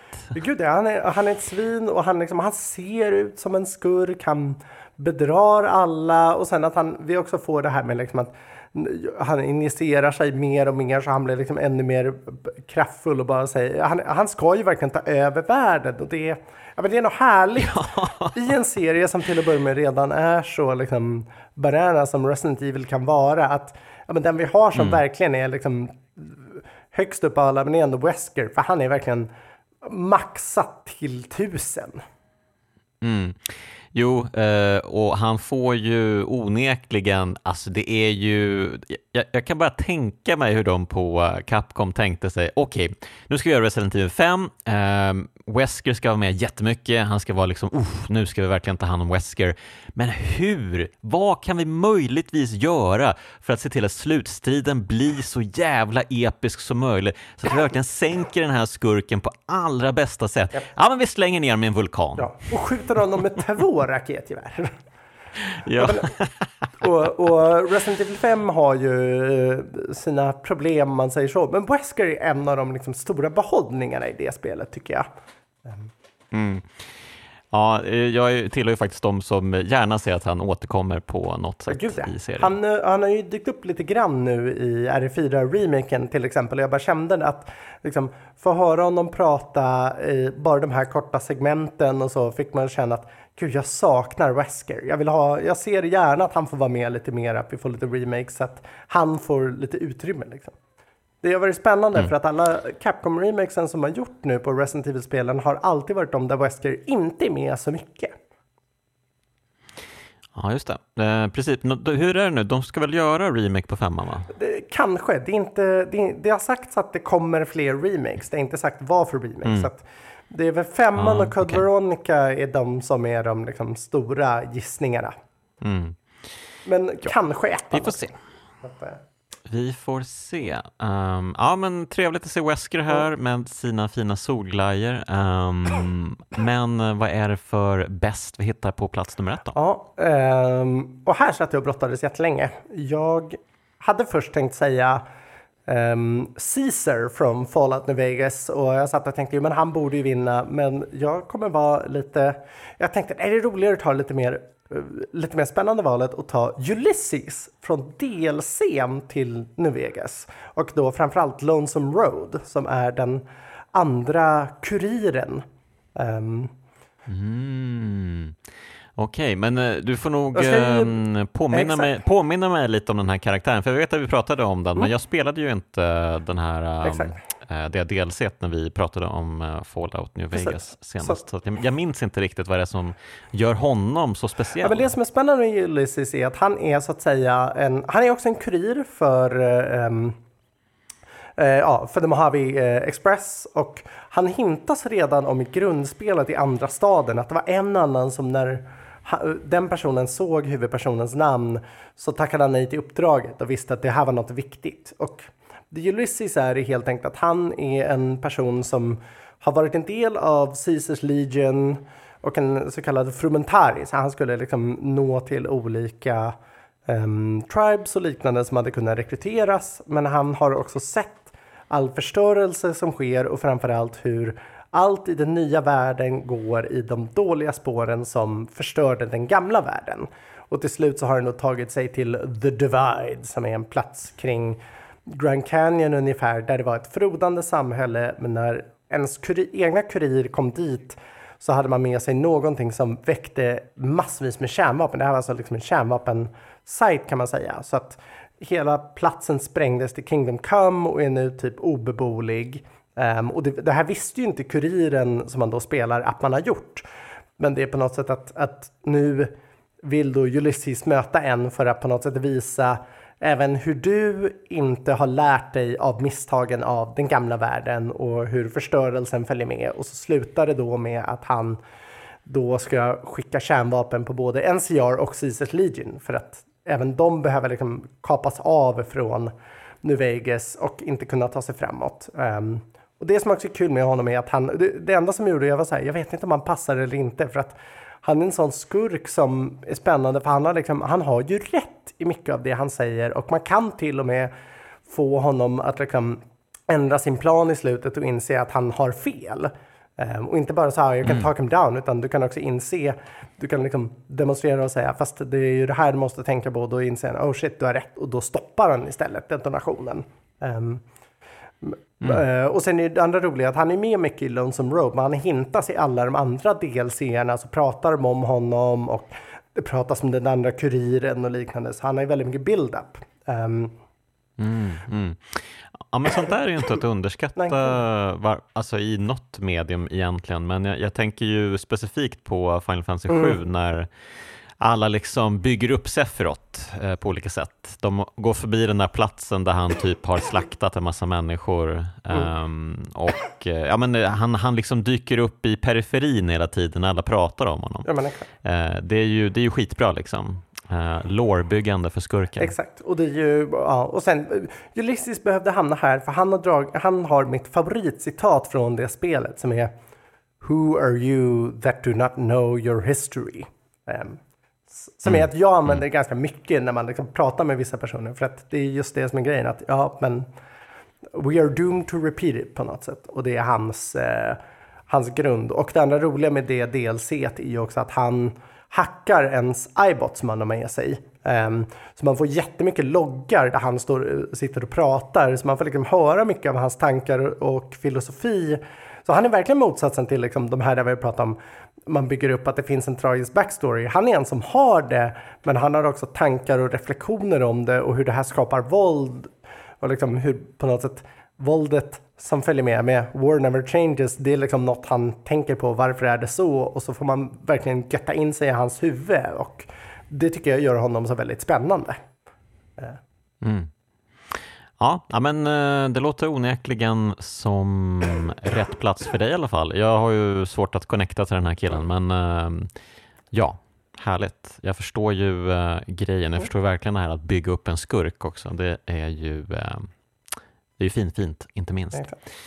Um, ja, men uh, vilken trevlig lista. Tack så mycket. Ja, men, um, är det någon du känner uh, som uh, kunde varit med också på listan? Ja, nej, men som jag nämnde var ju att alltså, på ettan så satt jag och funderade om Caesar från New Vegas skulle ha varit där, men det kändes lite för väntat och han är ju en intressant skurk. Han har mycket kul backstory, men den andra kände jag, men Ulysses har betytt mer för mig och sen så liksom när jag satt och tänkte på Fallout-spelen kände jag att ja, men kanske Frank Horrigan eller The Master ska vara där. Så det, det finns många bra skurkar mm. i de spelen, men jag kände att nej, nu går jag efter den som har betytt mest för mig helt enkelt.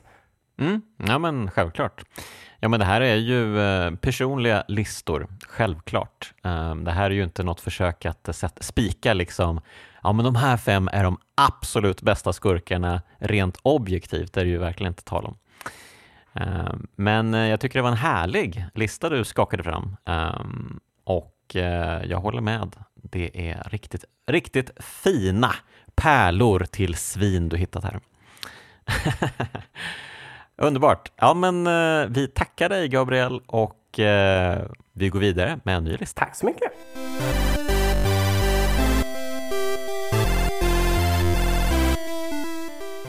Ja, och nu har turen kommit till allas vår eh, skäggfarbror Viktor Sjöström. Eh, han är med oss igen för att bjuda på en topplista. Underbart, underbart. Hej!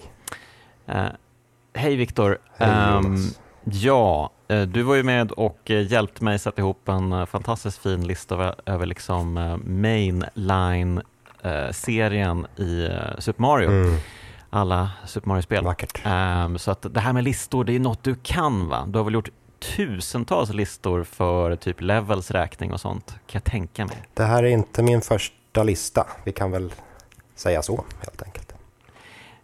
Och jag, kan väl, jag tänker mig att det inte är din första skurklista heller. Nej, vi har gjort både skurklistor och bosslistor och listor över japanska karaktärer gjorde vi någon gång och listor över hjältar och ja, mycket listor. Det blir så när man gör tidningar. Okej, så du är trött på listor? Nej, jag tröttnar aldrig på listor. Så ja, så ska det låta. Peppen, den måste through the roof nu. Oh yeah. jag, jag är lite Ehm, små, ja, men- småkrasslig ska jag säga, så om, om eh, peppen uteblir så är det väl kanske för att jag eh, håller på att implodera i huvudet. Okej, ehm, då får vi ta det lugnt med dig helt enkelt. Ehm, yes, men eh, ja, pärlor till svin heter listan och vi har ju fem svin vi ska beta av här. Ehm, så jag tänker vi tar det i rätt håll, i rätt riktning och börjar med plats nummer fem. Mm. Vem har du där? Eh, till att börja med så ska jag väl säga att jag har byggt den här listan på spel som mm, vad jag vet inte är eh, kraftspelen upptagna än. Det här är spel som du ännu inte har behandlat i kraftspelen. Eh, sen får vi Superspännande. väl se om det stämmer när det här publiceras. Eh, Ja. Men på femte platsen så har vi ju, det, kanske den mest kända av bossarna på min lista i alla fall, och det är Kefka från Final Fantasy 6. Mm, Och vad jag okej. vet, ja, när vi spelar in detta så har jag åtminstone inte hört ett avsnitt om Final Fantasy 6, men det kanske har ändrats. Eh, ännu inte, nej det stämmer. Eh, I så fall kommer det först under sjätte säsongen. Eh, nej, det är ju ett av mina favoritspel och Kefka är ju en av mina favoritskurkar också så att jag förstår ju verkligen var du kommer ifrån med den här killen. Eh, han är ju spritt språngande galen och så härligt galen. Det som, och vi- man, vi ska väl ändå motivera grejerna på, på den Ja, här tycker listan. Och det, det som gör Kafka så, så rolig för, för min del, det är att han har i princip noll karaktärsutveckling. Eh, och det, det är så härligt befriande på något sätt. För liksom, Mm. rent fysiskt så har, jag, har, har han en väldig utveckling. Eh, liksom, å, Mm. å ena sidan, han är ju han är ju lite av en nobody i början av spelet. Han är, han är snudd på en, en comic relief-karaktär. Eh, som är Mm. underhuggare till den stora skur, skurken Gestal. Eh, och eh, han, han är inte jättemäktig. Han kan lite magi, men eh, liksom man spöar honom ganska lätt när man träffar på honom. Eh, men sen under re, resans gång, eh, under spelets gång, så blir han ju bara mäktigare och mäktigare och sen framåt slutet så är han i princip alls, en allsmäktig gud som har vunnit och har liksom skövlat hela världen och står på ett monument byggt av liksom skrotet och skräpet från den, den, den fallna världen. Eh, Mm. men han är ändå samma liksom barnsliga eh, snorunge i slutet av spelet som han är i början av spelet. Och det, det kan man ju höra på hans, han använder exakt samma typ av skratt i sin första scen och eh, ja, i sluts, slutstriden i Dancing Mad-finalen, eh, låten Dancing Mad. Det. Eh, så det Ja. älskar jag med honom. Och sen är det lite kul också, jag, jag spelade igenom den här Pixel Remaster-versionen av Final Fantasy 6 eh, tidigare i år. Och det, den använder sig ju inte av den gamla översättningen ehm, som ja, många av oss är vana vid, den från, från 90-talet. Eh, och det kan man märka ganska tydligt i just Kefka. I, I den gamla översättningen så är han lite av en goofball, eh, medan han är Mm. ja, men, typ, märkbart vassare och mörkare i den nya översättningen. Och det, det känns nästan lite som någon slags, eh, ja, man kan dra en parallell till uh, Jokern, eh, Heath Ledgers Mm. Joker som är den mörkare varianten och eh, Jack Nicholsons Jo- Joker som är ja, men lite spralligare. Eh, så det finns, eh, finns den aspekten av, av Kafka också. Ja men vad spännande att liksom, de har följt liksom, trenden med att skurkar måste vara lite mer hotfulla och farligare. Liksom. Um, precis som Jokern en gång i tiden, typ, långt tillbaka i tiden på typ 60-talet i tv-serien där, han var ju verkligen ett uh, skämt. Liksom. Mm. Uh, och med tiden så har han blivit mörkare och mörkare. Mm. Um, så det är roligt att uh, Kefka har genomgått samma förvandling. Ja, vad spännande. Jag blir nästan sugen på att spela den här nya um, pixelversionen. Mm. Den är nästan bara bra. Okej, okay. vad, vad, är det som, vad är det som föranleder ordet nästan här? Uh, ja, men lite små grejer. Operascenen har blivit sämre till exempel. Oj, men okay. överlag så är det en bra version av Final Fantasy 6. Mm. Ja, men Kefka är ju ett grymt uh, tillskott till listan. Jag menar, han har ju massvis med ikoniska scener när han förgiftar byn där och uh, när han för, förintar världen och uh, ja, varenda gång han dyker upp även liksom tidigt i spelet och bara liksom han dyker upp lite i periferin och hintar om att han ska sprida lite bus och galenskap över nejderna. Mm um, så är han ju alltid underhållande. Mm. Um, och sen, sen, sen gillar jag även sättet man bygger upp slutstriden på. Uh, för den som inte har spelat klart hela Final Fantasy 6 så är slutstriden mot Kefka uppbyggd i fyra olika delar. Uh, och sen ackompanjeras den av en, en episk låt som heter Dancing Mad. Uh, och det, man stiger steg för steg upp för en ja, vad ska man säga, en gigantisk eh, varelse slash skulptur av sammansmälta figurer. Eh, och mm. varje del känns som att det skulle kunna vara finalen. Eh, och sen når man nästa del och så tänker man att ah, men vänta, där, där har vi den, den sanna Kafka. Där sitter någon, någon liten filur. Det, det, det är nog Kafka. Eh, och sen bara mm. blir det man stiger högre och högre upp eh, tills man slutligen når eh, ja, himlen då Kafka stiger ner eh, genom molnen som en, som en ängel till, till tonerna mm. då av att, samma toner som man hörde i, i uh, spelets absoluta inledning när spelets mm. logotyp ritades upp. Så det är väldigt snyggt ja, uh, cirklat. Ja. ja, men det är verkligen uh, min favorit slutstrid i Final Fantasy-sammanhang. Den är ju magisk verkligen. Mm. Um, och jag håller med dig, uh, skurkar behöver inte ha en tragisk uh, bakgrundsberättelse eller liksom vara moraliskt uh, Alltså det är stor gråskala där liksom, utan det, det, är ganska kul att de bara får vara megalomaniska ibland också. Mm. Men vi går vidare då, plats fyra. Mm. Från det ena till det andra kan man säga. Jag tror att de flesta kände igen Kafka här och eh, det var väl lite väntat att Kafka skulle dyka upp på någon lista. Uh, plats nummer fyra, då säger jag Väderkvarnen. Och sen känner jag direkt att jag behöver förtydliga. Och då säger jag Väderkvarnen från Super Protector colon Alien Rebels. Och det är fortfarande ingen som förstår vad fan jag snackar om. Nej, det, nej, nej. Eh, japanska namnet är, och jag, jag talar inte japanska, eh, men det är tydligen Sandan Henkei Mekaru vilket översätts till Try Transforming Mecha Wallwalker, vilket är den tredje minibossen eh, i, på den tredje banan. Eller ja, det, det, är helt enkelt en av minibossarna på den tredje banan i Super Protector. Eh, det är en eh, klump av metall som har eh, ja, men, roterande pinnar runt omkring sig och en borr riktad ner. Um, och det som, uh. kommer, du, kommer du ihåg den? Mitten av... Jo, alltså jag har en vagt minne av det här, men eh, jag, må, jag, ställer mig frågande till hur du ska liksom sälja in ja, det här. jag har målat in mig i ett hörn kanske, eller kanske inte. Mm -hmm. Jo, men så här. Um, det jag verkligen uppskattar med den här eh, bossstriden. Det är egentligen, det, den är liksom talande för vad jag uppskattar med hela Probotector slash kontra-serien över, överlag. Att det bara är så här nonstop eh, galen action. Den här striden börjar ju med att man slåss mot, ja men som sagt, en klump av metall som, som har borrar inbyggda och som eh, man hoppar ner och hänger på de här roterande pinnarna för att kunna skjuta på bossens svaga punkt som sitter på undersidan. Så man måste rotera runt bossen genom att hänga fast i bossen.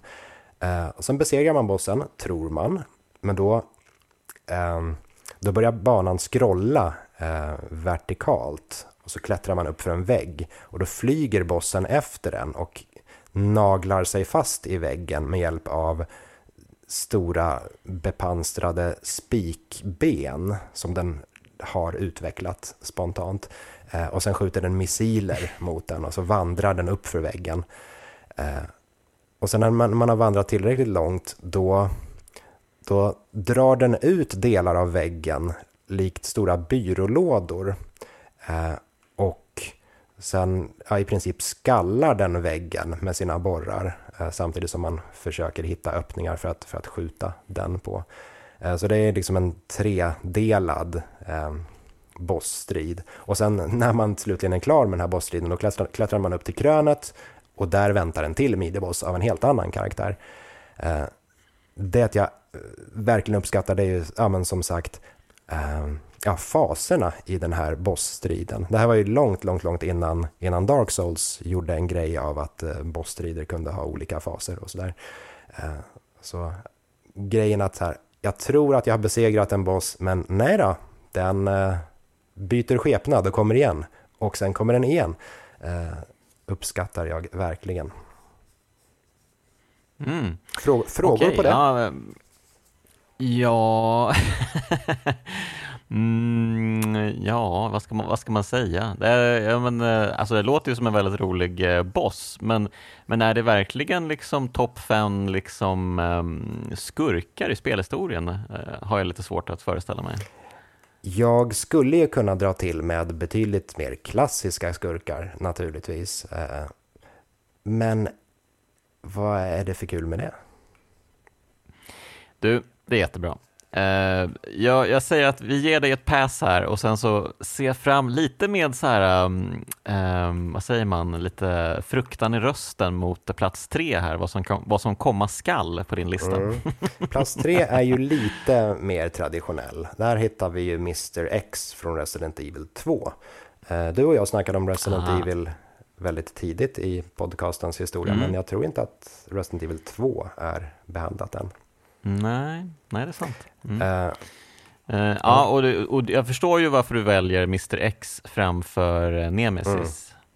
Mm. Uh, Mr X är ju en mycket intressantare boss, trots att Alltså jag förstår ju att Nemesis ser väl kanske på något sätt kanske ballare ut, men Mr X är ju så jävla konstig. Jag tycker det ger honom en sån edge här gentemot Nemesis. Ja, skulle, och ja. också det här att han följer efter den hela tiden och liksom krasar in genom väggar helt plötsligt.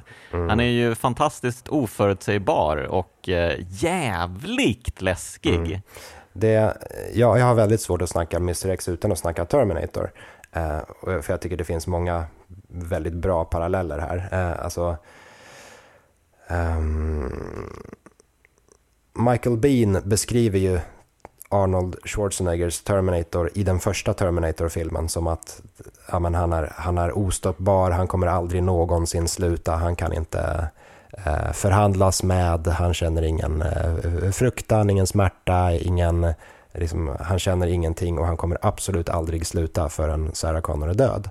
Eh, och det är ju det intrycket man får av Mr X också. Mr X liksom, vandrar framåt eh, till mm. alla, mm. liksom, till, till varje pris. Eh, och eh, ja, men, kommer aldrig någonsin sluta att förfölja dig. Eh, mm. Och det, det är ju, som du säger, eh, jag, jag, tycker också så att Mr X är mycket roligare än Nemesis. Nemesis är ju en mer avancerad variant av Mr X-konceptet egentligen. Men därmed tappar man mm. även lite av skärmen. Eh, Mr X är så mm. härligt avskalad. Det är, liksom, är man i närheten av Mr X så befinner man sig i akut livsfara. Eh, och mm. han behöver liksom inga vapen, han behöver inte springa, han, han bara går kallt och tyst utan att visa några känslor. Eh, Mm. Nemesis springer och skjuter med bazooka och öppnar dörrar och vrålar och håller på. Och det är ju, ja, det är ju kanske läskigt på sitt sätt, men det, det finns inte den här känslolösa, iskalla mördaren är han ju aldrig någonsin. Eh, och därför Nej. tycker jag att Mr X alltid har varit roligare än, än Nemesis. Ja, och det faktum att han är klädd i trenchcoat och hatt gör ju inte saken sämre. Nej, det är ett... ehm, ja, han känns ju skev. Första gången han dyker upp så... ja. så man hajar ju till på fler än ett sätt. Ja, men han känns ju helt eh, apart. Han känns ju inte som att han hör hemma i spelet ens. Liksom. Du hör hemma i en annan tid, typ, en annan era. Var, var kom du ifrån? Mm. Vems garderob har du plundrat? Eh, det är Det är jätteroligt. kul också att jämföra original eh, Resident Evil 2 med eh, den ja, fantastiska remaken från 2019 också. Eh, och hur man behandlar Mr X i, i de olika varianterna. För i, i remaken, moderna versionen, där, där är ju Mr X lite mer dyn- dynamisk och kan förfölja en genom polisstationen, kan befinna sig på olika ställen och så. Eh, originalet, där, där är han ju lite mer hårdkodad. Han håller till i vissa rum och liksom har vissa ikoniska scener och sådär. Eh, vilket väl egentligen är en sämre variant. Det är ju lite roligare att han är, ja men, att han har möjlighet att gå mellan rum som han gör i, i remaken. Men det finns även en charm med att han har olika territorium så att säga i, i originalet. För det gör ju att man är ju jävligt nervös varje gång man till exempel kliver in i den här eh, helikopterkorridoren där man först träffar honom. Mm, Så här, mm. Nej, jag måste passera igenom det här igen. Undrar om han fortfarande är kvar? Ja, visst fan är han kvar där. Eh, och så går man in där och så ser man hur han kommer gående där runt hörnet och bara stövlar mot den.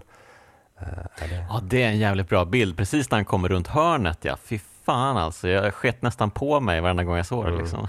Det finns ju en annan eh, senare i spelet när man går in i en smal, nästan lite Nightmare on Elm Street-liknande korridor.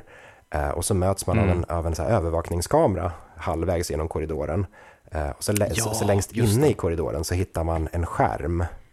Eh, Mm, Och så kollar man på den skärmen och då ser man att Mr X har klivit in i korridoren, går fram till kameran och slår sönder kameran.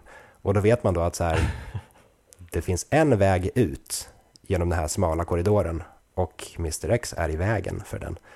Eh, och sen så här släpps, släpps eh, kontrollen fri så att säga. Man går ut ur cutscenen och får hantera situationen.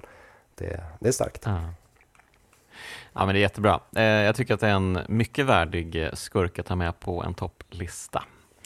Eh, men med det sagt så tycker jag vi går vidare till plats nummer två. Mm, kanske vi flummar till det lite mer. Inte, inte jättemycket. Jag skulle väl säga att Väderkvarnen är den flummigaste.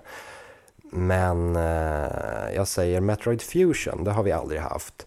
Och här skulle man kunna ta SAX, men det är ju ungefär som Mr X. Så jag säger istället Nightmare, vilket är en boss lite senare i spelet eh, som är väldigt kuslig på flera olika sätt. Eh, kommer du ihåg Nightmare? Ja, jag har fått upp, eh, just det, mm, just det. Nu, nu ser jag en bild på Nightmare här. Och eh, ja, Nightmare är ju ja, den är ju Ja, Nightmare, Jätteläskig. väldigt konstig design. Liksom, en konstig mask som börjar blöda något äckligt slem efter ett tag när man skjuter den. Och gravitationen är helt knasig i, under den här striden, vilket gör att det känns som att man är un- är under vattnet. Eller, eller för den delen som, som att man är i en mardröm då och inte kan röra sig riktigt som man ska. Musiken är ju eh, specifik just för, för bossstriden. Eh, mm. och kanske framför allt så gillar jag uppbyggnaden för, eller inför bossstriden. Man ser siluetten av Nightmare långt innan man faktiskt slåss mot Nightmare. Eh, Nightmare sveper förbi i bakgrunden på den här arian. Eh, och det berättargreppet har jag alltid varit av någon anledning så otroligt förtjust i. Ganska, ganska primitiva eh, 2D-spel, pixelspel som använder sig av element, saker i bakgrunden eller för den delen i, förgrunden för att berätta en, en, någonting helt ordlöst. Det, att, det är någonting som är så mm med det. Mm. Ja, men de är jättebra på det, just Metroid-spelen, att berätta ordlöst. Eh, ja, de tidigare Metroid-spelen då, sen har det ju blivit desto mer babbel då, men eh, framförallt i Super Metroid och eh, Metroid Fusion så är de ju ja, men mästerliga på det där. Mm. Um, ja, men eh, det var ett eh, spännande tillskott. Eh, Det är en boss jag inte tänkt på på väldigt länge. Ja. Eh, men absolut, den är ju läskig, superläskig. Ja. Och det är ju väldigt kul att eh, det, det är ju liksom en, eh, alltså det ser ju ut som en robot, men när liksom ansiktet börjar smälta och det liksom ser ut som den liksom är gjord av sopor inuti, det är en sån himla märklig, eh, eh, alltså himla märklig bild man ser. Mm. Eh, ja, men eh, verkligen jättebra design på den. Mycket, mycket äcklig på ett Mm. ändå inte uppenbart äckligt sätt.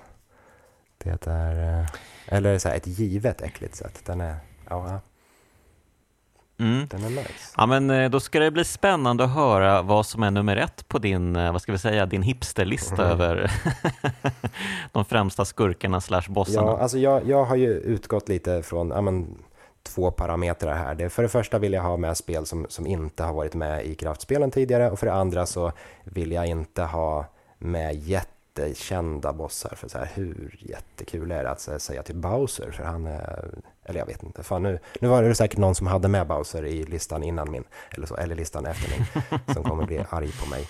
Men eh, jag kan vända på det istället och säga så att jag, jag litar på att mina medpoddare kommer täcka de klassiska eh, stora eh, skurkarna. Eh, så jag, Lite jobbigt om alla tänker likadant. alla har med väderkvarnen från eh, Super Protector. Ja. Ja. Ehm, ja, vem vet? vem vet? Halo är ett spel som har varit med i kraftspelen. Halo 2 har mig veterligen inte varit med i kraftspelen. Nej, Och, och vad vart, i helvete finns i Halo 2 som är värt att ta upp? ja, vart är vi på väg nu? Ja. Vart är vi på väg? Topp 1 på denna hipsterlista. Här hittar vi något förvånande The Prophet of Regret från Halo 2. Eh, och det behöver också en förklaring, känner jag. Uh, The Prophet of Regret är ju en bossstrid, kanske, jag vet inte, halvvägs genom Halo 2 ungefär.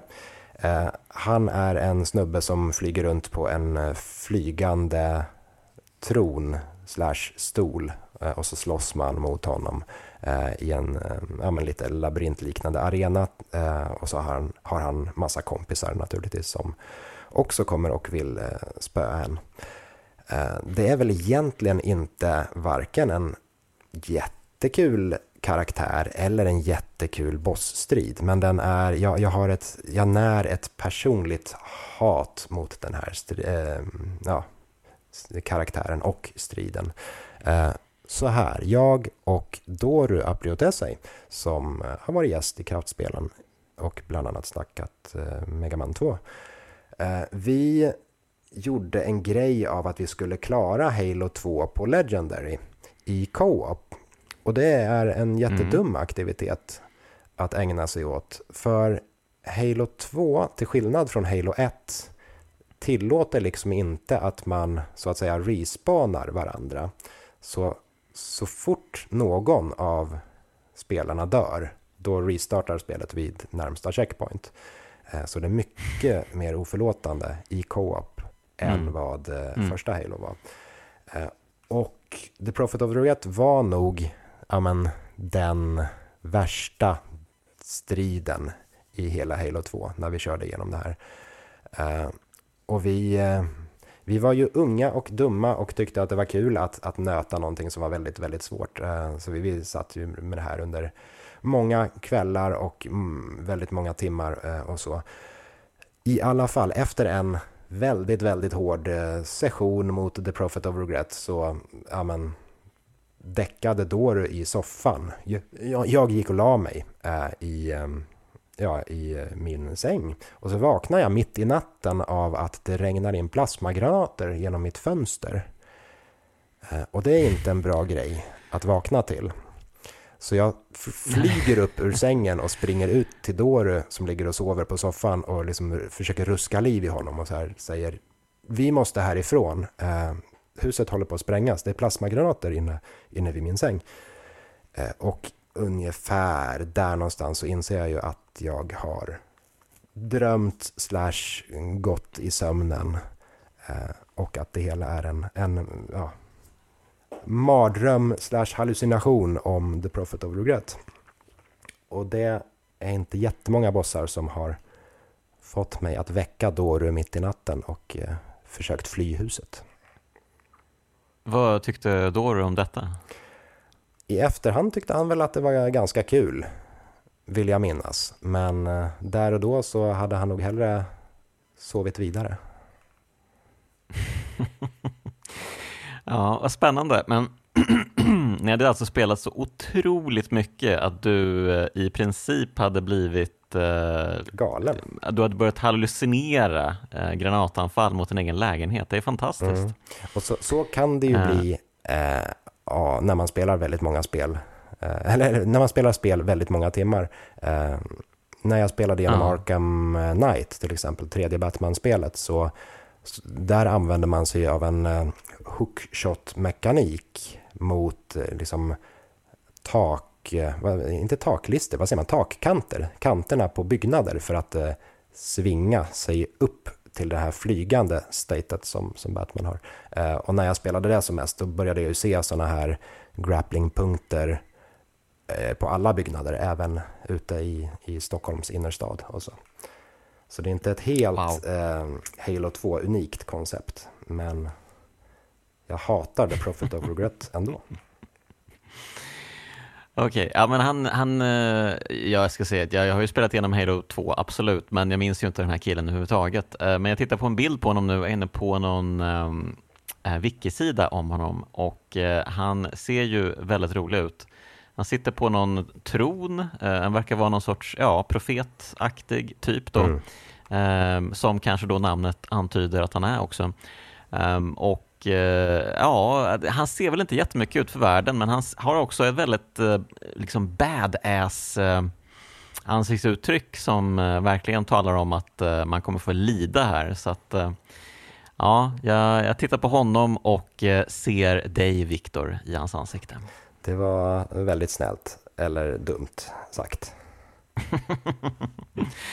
Okej, okay, men uh, jaha, men uh, det var intressant. Uh, det var verkligen en, en hipsterlista av Guds nåde det här. Det får man ju verkligen säga. Mm. Du plockade inte russinen från kakan, du plockade russinen Eh, direkt från savannen eller var de plockas någonstans. Och, eh, mycket, mycket bra. Ja, men, man ska ju säga att jag ändå höll mig på kända spel sidan av hipsterträsket. Det var ju inte så att jag bara du. droppade obskyra eh, japanska textäventyr, utan det är ändå Final Fantasy 6, mm.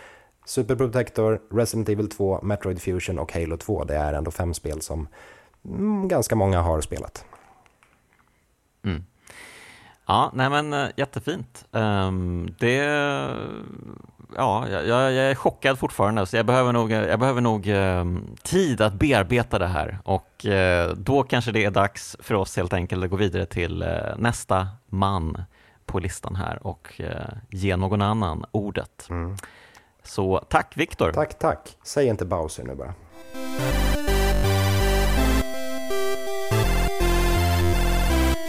Okej, då har turen kommit till eh, mig själv. Eh, och eh, för att hjälpa mig ro i land min lista över de fem främsta skurkarna, eller som vi kallar det, pärlor till svin här, så har jag plockat in den fantastiska, fantastiska Ebito. Hallå! Hallå! Det är ju jag. Jag är här. Jag är en mm. riktig skurk, så nu kan, det är ganska schysst att jag är gäst nu. Så kan jag avgöra om de skurkarna som du har valt, hur de eh, känns gentemot mig själv, liksom. i skurkaktighet. Just det. Ja, precis. Och för, jag ska bara säga till lyssnarna då, så att de inte sitter och kokar nu över att Erik inte fick göra en egen lista, utan du, du, jag sa ju faktiskt att du fick göra en lista, men du fick också vara bollplank till mig om du ville, så att du valde faktiskt senare här. Ja, men när, man, när jag erbjuds valet mellan eh, eh, någon form av jobb eller mindre jobb så väljer jag det sistnämnda varje gång. Det är så att säga, Ja. eh, den, den enkla vägen är vägen som jag väljer. Det är ju ganska enkelt sammanfattat. Underbart. Ja, men det, det uppskattar jag också. Eh, Det var lite svårt faktiskt att hitta någon som eh, ville ställa upp på det här svinjobbet att eh, bara sitta och säga aha, aha, mhm, ja, okej, okej, ja, ja, ja, nästa då, ja, ja, Ja, ja. men då då? Men då då? Jo, men jag kan ju också döma dig ganska bra. Alltså jag Mm. skulle ju kunna komma med instick som består av att så här, det här var ju en ganska basic skurk du valde här, kan jag säga till exempel. Ja. Blir du lite ledsen? Eh, ja, men jag hoppas ju på att eh, du, eh, du kommer med kniven här, så att eh, vi kör väl igång ja, bara. men vi kör. Ehm, let's go, topp 5 pärl till svin. Min, Jonas Högbergs lista, topp 5. Ja, det är ju John Irenicus från Baldur's Gate 2. Vilken man! Har du eh, spelat spelet? Jag har inte det. Jag är en fake gamer Nej. som inte har spelat. Eh, jag har väldigt lite erfarenhet av D&D och i det här laget så har jag bara bestämt mig för att det är ah, så där va. Massa alver som kallar, som kallar eh, troll för så, så här, troll, eller troll, vad fan. De kallar varandra för, eh, för va- varandras etnicitet på ett sätt som gör att jag tycker att det känns eh, otrevligt. Jag har försökt spela Baldur's Gate 3 och sen så här fyra minuter in i spelet så kommer det ett sånt Wilhelm-skrik och då stängde jag av. Och sen dess har jag inte startat spelet igen. Va? Vad är det här? Du neggar på Wilhelmskriket? Jag blev, eh, jag tycker inte om det alltså. Det är, jag känner mig personligt påhoppad. Men jag ska helt klart ta mig an de här. eh, Jag tittade på en liten sammanfattning av, eh, eller det var, fanns en liten samling på YouTube med cutscenes där den här, den här Jon-herren eh, betedde Mm. sig illa. Och han, jag kunde ju helt klart se eh, skurkaktigheten hos honom utan eh, vidare eh, Mm. Ja, men det här, utan att säga för mycket om, om resten av listan, så är ju det här liksom den mest klassiska liksom, skurken på listan skulle jag säga. Ehm, för att som du säger, han beter sig väldigt skurkaktigt. Uh, han, röstskådespelaren David Warner eh, är ju fantastisk verkligen. Han är ju liksom the quintessential bad guy-röst liksom i Johnny Renicus. Eh, och eh, det är ju liksom en, han har ju en sorglig bakgrundshistoria. Alltså han blev ju fråntagen sin alviskhet och blev liksom dödlig. Eh, PGA, han ville ha all makt i världen och, eh, och han var typ kär i någon lite för mycket. Ehm, så eh, då blev han galen av eh, liksom svartsjuka och ondska och eh, ja, ville ta över skiten i vanlig ordning. Liksom. Um, och uh, ja, men han, han har ju väldigt många härliga liksom, one-liners. Uh, alltid när han dyker upp är han otroligt badass. Och uh, framför allt tycker jag, och det här är någonting som många inte liksom tar fasta på när de gör sådana här listor, är att man vill ju att ett riktigt ärkesvin ska straffas som ett ärkesvin bör. Och eh, nu vet jag inte om du sett eh, slutet till Baldur's Gate 2, men det är ju brutalt. För han transporteras ju till helvetets nionde krets, liksom allra djupast ner. Ehm, står omringad av hela liksom helvetets alla demoner och eh, de kastar sig över honom och för med honom ner i lavan. Liksom. Ett helt underbart slut. Eh, ja. Att han är ett bokstavligen Vad- Ghost to hell. Liksom. Att det- är ändå det man vill. ja, precis. Den här, Ja. straff, Ja, men, den här eh, straffaspekten, att, eh, liksom. Att man ändå... Det, ja, det måste ju... eh, Ett passande... Man behöver ett passande slut. Om någon ska vara... Alltså många av de här sakerna han säger, att det är så här... Tig, din hund, ditt enda syfte är att dö för min hand, säger han till någon sitter i en bur och, så dö, och dödar honom. Och man säger, nej men Ja. vad fan, vänta nu. Så det där, och, och rösten är ju perfekt för eh, den sortens... ehm, med, med, just det här metodiska, att det nästan känns lite, man blir, ja, men man blir nästan lite så barnsligt förtjust över hans, eh, hans kraftfullhet också, när det kommer ett gäng eh, Mm. eh, ja, eh, Hogwarts eh, trollkarlar eller vad fan de heter och ska fånga in honom och säger så här, hörru du, du har gjort så här brott mot magimänskligheten eller vad fan. Och, så, och han bara, äh, ni är tråkiga. Och så bara gör han så de bara dör. För att han har en sån, eh, liksom, fånigt. Det blir nästan lite så här Dragon Ballskt liksom. Det blir lite så här över. Men det som, det som jag tycker är fantastiskt är att han först liksom, eh, de har ju inte en chans mot honom, men sen så är det någon som säger ja men du vet om du dödar oss, vi kommer bara fortsätta komma, vi kommer komma hela tiden, ett helt gäng, hela tiden, hela tiden. Och han bara, åh gud, jag blir uttråkad bara du pratar, okej, ta in mig till finkan då. Ja, och sen tar han över finken, eller hur fan han gör, för att liksom Ja. fortsätta sina sjuka experiment där. För att, eh, så jag menar, han har ju just den där, en, någon som har sån total kontroll hela tiden, liksom. Även i de situationer som man förväntas inte ha det. Ja. Ja men precis. Eh, nej men eh, verkligen liksom den klassiska superskurken och eh, jag tycker nog att ingen fyller den rollen bättre än John Erenicus. Så att då går vi vidare tycker jag till plats nummer fyra. Och här hittar vi en annan ikonisk herre, Pyramid Head från Silent Hill 2. Ehm, ja, har du spelat det här spelet? Roligt att du frågar för att... Nej, det, är, eh, det är också ett sånt, Nej. där, ett sånt där spel som ligger på en sån här lista med eh, bästa spelen någonsin. Och sen så försöker Mm, man... Eh, eh, alltså, jag, det är svårt, alltså, man måste ju erkänna att det är lite knivigt att spela eh, idag. In, inte, jag, jag, tror, jag, är, liksom, jag gillar inte den här tanken på att så här, ja, men gamla så, åh, det, det är, de är ospelbara nu för de går knappt att styra och så vidare. Men jag, men jag, jag, jag har ett sånt, jag har ett litet problem med, med hela systemet, eller konceptet med att så här, eh, du som spelare ska... ehm, jag känner mig inte så där utsatt som många säger att de gör i, i en eh, skräck eh, miljö av att ha taskiga kontroller över karaktären. Jag känner mig Mm. oftare mer frustrerad. Att det finns, det finns Ja. andra exempel på att där du, där du öv... Jag? Svamla. Nej, men att du... Att du, du hela, hela konceptet med att så här, ja, men kontrollerna över, över karaktären är det som liksom ska förmedla en känsla av eh, hjälplöshet. Men det känns inte riktigt hjälplöst på det sättet som... Det känns inte så här, åh hjälp, jag är rädd för saker, utan det känns, men hallå, vänd dig om då. Och, och, och den grejen är så svår att... Jag ska kanske försöka någon gång. Men eh, du vet att det kommer en remake nästa år va? Från, från mina favoriter, Bloober Team. Ja, jag, ja, jag vet, jag vet. Det, ja, Ri- ja. Risken är att eh, Dels, det alltså- kommer bli...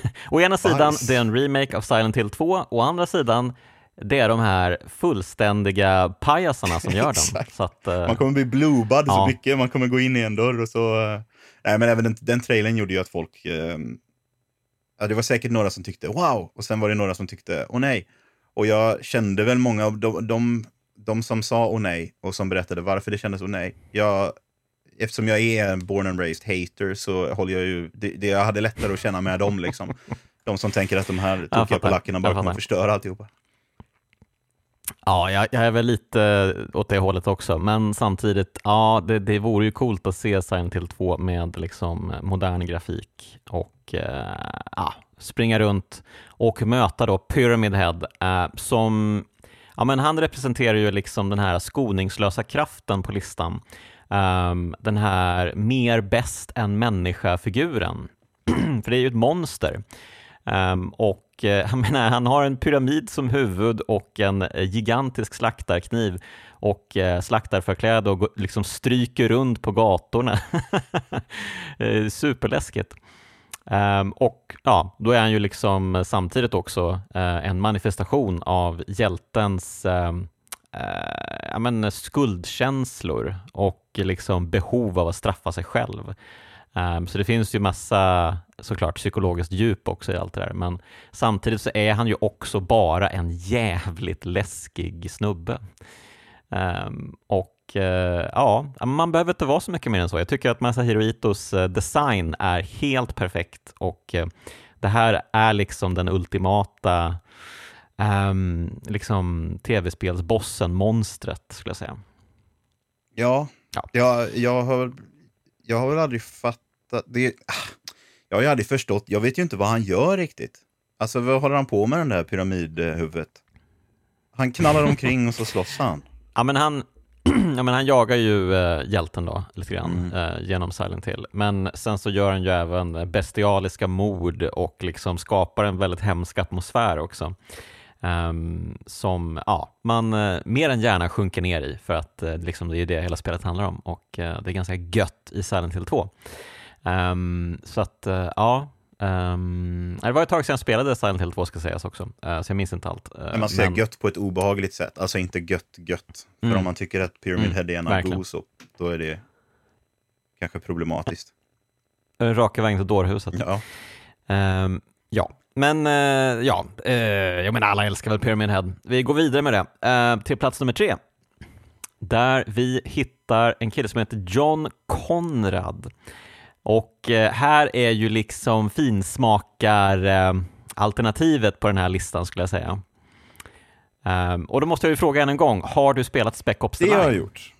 Och jag Ah. spelade det på det sättet som jag tror det var, det var tänkt, så att säga. Alltså jag, Mm. jag startade som ett sånt här...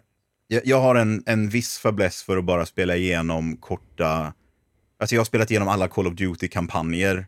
Eh, jag har hittat spelen i olika buskar. Och, och sen har jag tänkt, äh, jag kan lika väl spela igenom det här, det tar åtta timmar typ. Och så blir det så här, ja det här gav mig typ ingenting, men det var, det var kul en stund.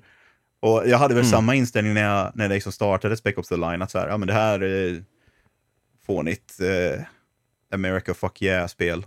Och så... eh, Mm. Men sen så eh, började ju sakta men säkert balla ur. På, på, det, på det sätt som det liksom är tänkt, lite som att du ska titta på det bästa sättet att se eh, From Dusk Till Dawn är väl att man startar filmen och tänker åh, det är no några tokiga bankrånare eller vad de är för något. Undrar vad, vad som händer härnäst. Och så vet man inte vad som Mm. händer härnäst. Så att jag tror att jag fick rätt. Det, det var effektfullt när, man, när det uppdagas hur, eh, Hur det egentligen ja, ligger hur, till. hur trasigt allting är egentligen. Liksom. ja, nej, men jag tycker ju att, eh, jag tycker att spelet gör liksom hela det är ju svårt att prata om det här spelet utan att spoila det något helt fruktansvärt. Eh, och vi har ju redan, jag pratade med dig lite grann om, med, med CJ när vi pratade om eh, This War of Mine för bara några avsnitt sedan så förde han in samtalet på Spec Ops The Line. Och eh, det här är ju ett spel som jag faktiskt gärna rekommenderar folk att spela för att det är ju verkligen en, en fruktansvärd upplevelse. Ja, på allra bästa sätt skulle jag säga. Ehm, man, man, det liksom handlar, ju, handlar ju om ett gäng eh, typ bad company-killar ehm, som är liksom eh, goa, liksom härliga jänkare som yeah, nu ska vi in och visa araberna vilka som eh, bestämmer. Ho, ho, ho! Nu ska vi slakta dem, yeah! Hoha! Eh, och de landar ju i Dubai och eh, Eh, sen så går ju allt fruktansvärt fel och det är ju verkligen ett, eh, liksom ett antikrigsspel som heter duga. Och framförallt tycker jag att de gör hela den här, eh, för det är ju liksom inspirerat av Heart of Darkness och Apocalypse Now då, eh, den, den berättelsen. Eh, men de, de gör en egen spin på det. Um, så det handlar ju om, det handlar ju egentligen om hjälten och eh, den, den, en fruktansvärd sak som händer ja, men hyfsat tidigt i spelet. Det, det kanske man inte spoilar så mycket om man berättar om. Han beordrar ju liksom en, en eh, eh, vad säger man, en fosforstrike. Det är man använder typ fosfor som vapen mot folk. Eh, en fosforbomb. Eh, och det är liksom ett fruktansvärt sätt att dö på. Man, man typ smälter samman liksom. Ehm, och det här drabbar då civilbefolkningen i Dubai. Den här fosforbomben som eh, hjälten, som han spelar själv, beordrar. Eh, för han tror att det liksom är ett gäng fiender, men egentligen så är det civilbefolkningen. Ehm, och sen när de här tre killarna dyker upp på platsen där liksom bomben har briserat och de ser vad som har hänt, då blir de ju alla liksom helt, eh, ja, men helt skräckslagna. Eh, vad är det vi har gjort? Liksom? Det här är det sjukaste som hänt. Eh, men hjälten liksom intygar sig själv att eh, ja, men jag gör det här för vi måste göra det här och vi måste gå vidare och vi måste ta oss förbi den här fruktansvärda saken vi gjorde. Ehm, och efter det så blir det då tydligt att, eh, för de är ju på jakt då efter den här killen, John Conrad, som är skurken på listan då. Och eh, han eh, finns någonstans i Dubai och det är deras uppdrag att eh, extrahera honom, att, för att det sista de har fått höra från honom är liksom en nödsignal. Kan någon komma och hämta oss? Vi befinner oss här, typ. Mm. Ehm, och sen har man inte fått höra mer från honom och hjälten plockar upp någon typ Eh, någon mikrofon eller någonting sånt där, du vet någon, något headset. Eh, och sen så börjar han kommunicera med John Konrad och då får vi höra honom berätta liksom om eh, ja, men, oh, vad hemskt det är i krig och här måste man liksom hitta sitt, liksom, sitt allra starkaste skinn, liksom, det hårdaste skinnet på liksom, och göra fruktansvärda saker mot människor för att uppnå liksom, eh, sina, eh, sitt uppdrag och sådär. Eh, bara massa klyschor egentligen, men det är ju så jävla bra när de sen liksom drar undan mattan på spelaren och visar att John Konrad är död. Mm. Han finns ju inte längre. Han var död redan innan du kom till Dubai. För du har hallucinerat honom. Du har liksom intalat dig själv att allt det här hemska du har gjort, det har varit för att komma fram till den här Konrad som är den här stora skurken som har gjort de här många liksom oförrätterna mot alla i Dubai. Men i själva verket så är det ju, det är ju huvudpersonen. Det är liksom jag, hjälten, som är skurken egentligen. Eh, och det är en sån jävla snygg grej alltså. Jag, eh, ja, jag älskar det. Ja, när han inser att han fantastiskt bra. har suttit och pratat med den här eh, walkie-talkien, den har inga batterier, den är trasig. Liksom. Har Just gått omkring där och bara, ja. Och eh, det var ju ändå, spelet kom 2012. Eh, det känns som det var ett antal spel som kom 2012, som är lite så här, man kan göra en ganska schysst lista på just spel som kom 2012 som ändå var lite så här epokgörande, eller som åtminstone hade en ganska stor påverkan på liksom generella, alltså vad, vad, vad kan spel göra för något och så vidare. Och det var, jag tycker fortfarande, alltså jag tror jag, jag spelade igenom det för några år sedan och då tyckte jag att det fortfarande höll liksom, alltså det är sådana saker som kan, ja men så twisten i Bioshock till exempel, att det är en sån där grej som någon gör det och sen vill alla göra det. Eller fler vill göra det och kanske inte lika stiligt liksom. Och jag vet inte hur många såna här det är skräckspel som slutar med att så här, det var du som var den, den stygga Ja, farsan som slog ihjäl sin familj eller whatever. Och så blir man så här, åh nej, det kunde jag aldrig ha trott.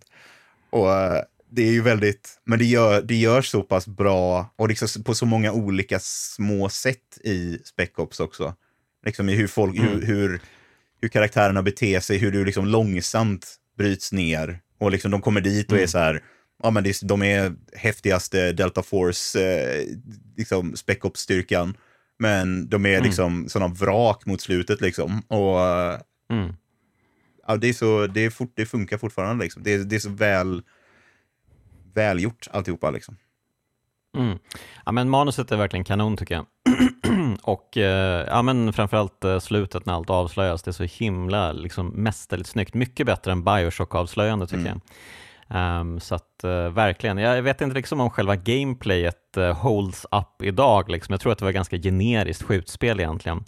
Um, och gameplayet är ju egentligen bara liksom en resa för att komma till, uh, för att, komma, för att upptäcka de här ögonblicken på vägen och komma till slutet. Liksom. Um, så det kanske egentligen inte är mer än ett typ ett 3 plus-spel egentligen, men, men liksom handlingen är så jävla bra. Och eh, ja, men eh, det, jag tror att det faktiskt är värt att spela det här spelet än idag faktiskt. Och en annan grej. ehm, det är ju faktiskt Bruce Boxleitner som gör rösten till eh, John Conrad.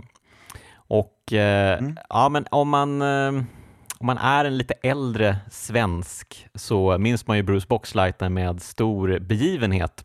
För han var ju med i Familjen McKayen eh, som var liksom det största som hände i Sverige på 70-talet.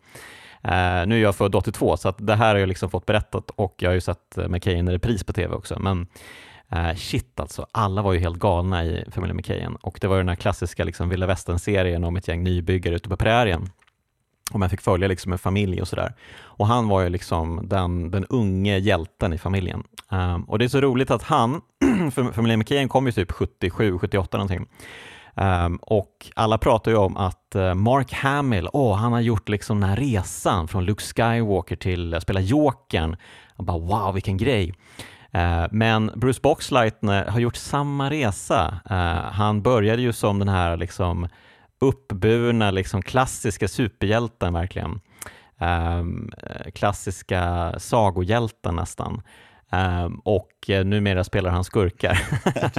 och det roliga är ju att han hette Luke McKayen och ja, Mark Hamill hette Luke Skywalker. Så att vilka jävla paralleller. Son till Zeb. Var det? Ja, Zeb var ju för jävla ja, skön alltså. Jävla kung.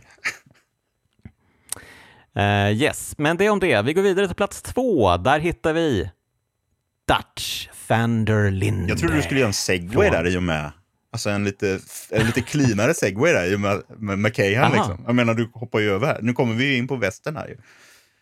Ja, ja, ja, du har sant. Det, det, det, är rätt, det är rätt, det är rätt. Jag får göra om ja, det här sen. Men, uh... Klipp in det bara så här, det blir skitbra. Ja. Uh, yes, jo men uh, precis. Vi, vi stannar kvar i vilda västern. Um, Red Dead Redemption 2 och uh, storskurken Dutch Vanderlinde, han som basar över hela den här märkliga liksom familjen inom citationstecken då. Ehm, Robin Hood-familjen kan man väl säga då, som han har försökt skapa. Ett gäng outlaws som försöker skapa sig kanske en bättre tillvaro och en, eh, ett eget sätt att leva i en, eh, i en vilda västern där det faktiskt går att göra det, men som eh, sakta men säkert börjar liksom tyglas och då klarar inte de heller av att eh, eh befinna sig i de här nya liksom bojorna som regeringen och eh, den moderna världen kräver att de ska förhålla sig till. Uh, så det är jättemycket grejer här och det här är ju kanske den mest välskrivna karaktären av alla egentligen på listan. Mm. Har du spelat uh, spelet? Jo, men det har jag.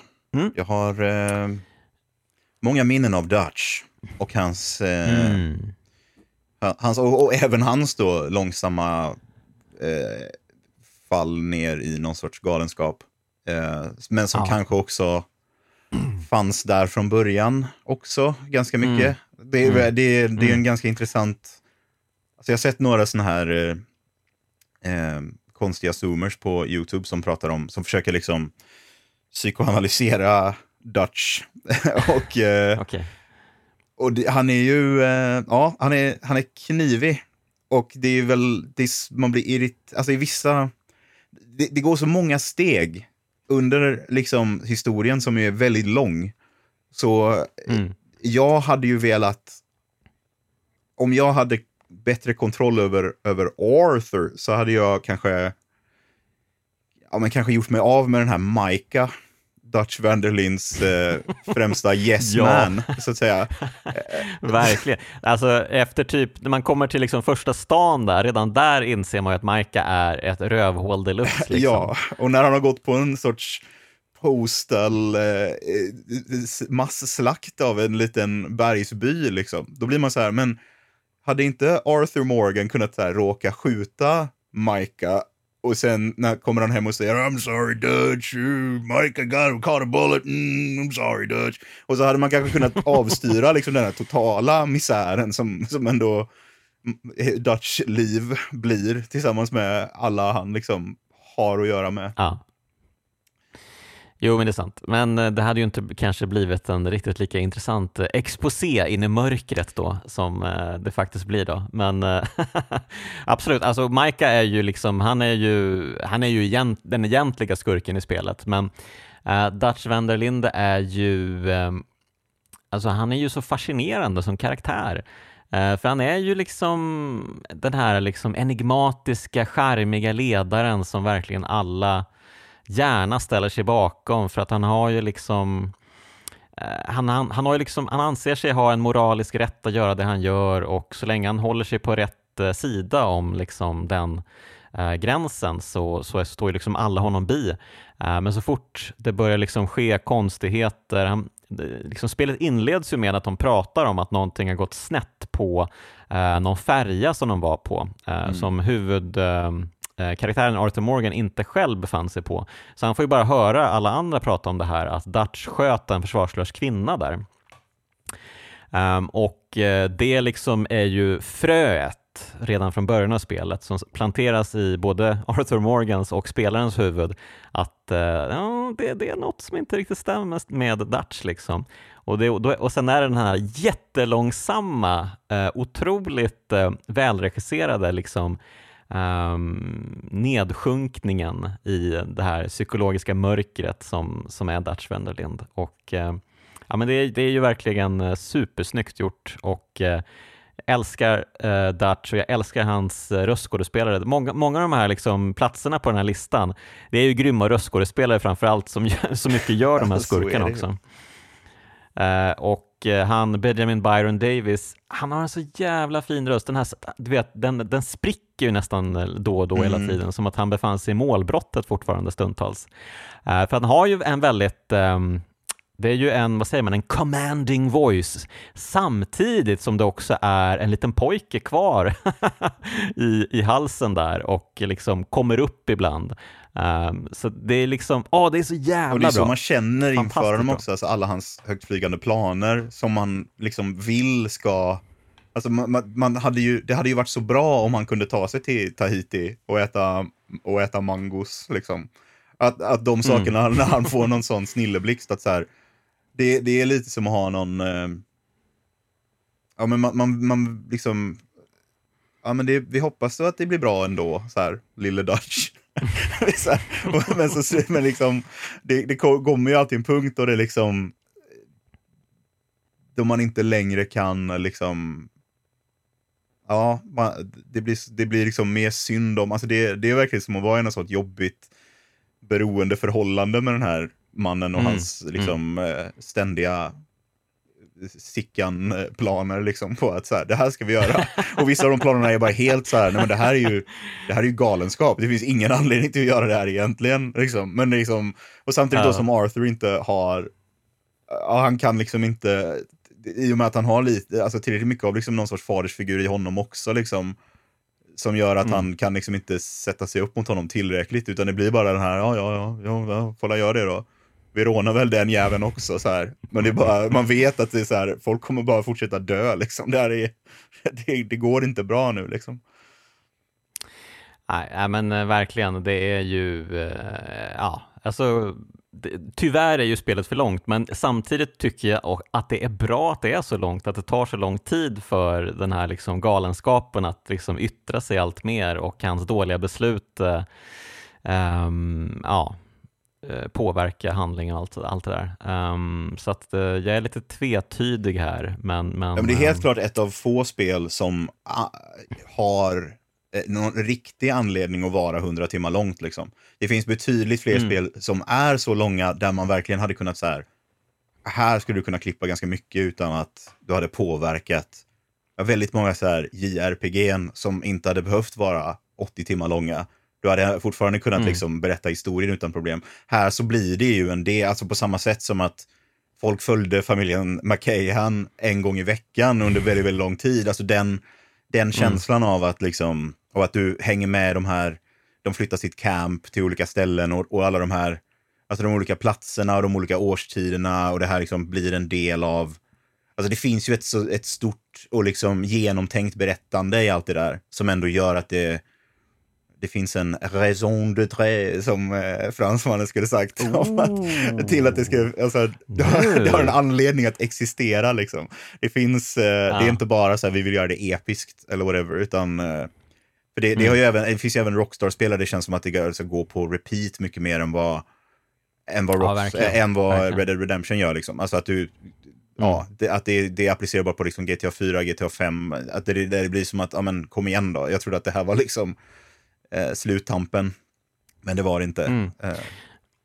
Nej men verkligen, men jag tror att eh, alltså, för vissa berättelser så krävs det tid mm. uh, för att de ska kunna liksom uh, packa den där punchen som de behöver. Um, och uh, ja, Red Dead Redemption 2, um, yes, behöver den tiden och tar den tiden och uh, Dutch Wenderlinde blir därför en av tidernas bästa skurkar. Och nu tar vi plats nummer ett. Och den sista platsen för den här toppliste bruhahan som vi har samlat ihop här. Um, och eh, jag vet inte om det är liksom plats ett ever, men ja, men för mig skulle jag nog ändå vilja säga att eh, GLaDOS från Portal är min favoritskurk.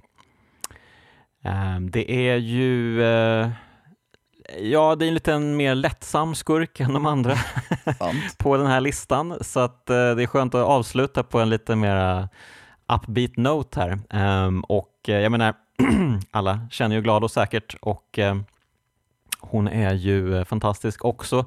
Här, en jättebra röst, Ella McLean, som verkligen fångar um, den här datorprogrammets Ja, men eh, dels den här liksom, eh, AI-aspekten, man märker att det är en AI samtidigt som det också inte är det, för att den är ju liksom eh, baserad på Aperture Science eh, skapare Cave Johnsons sekreterare.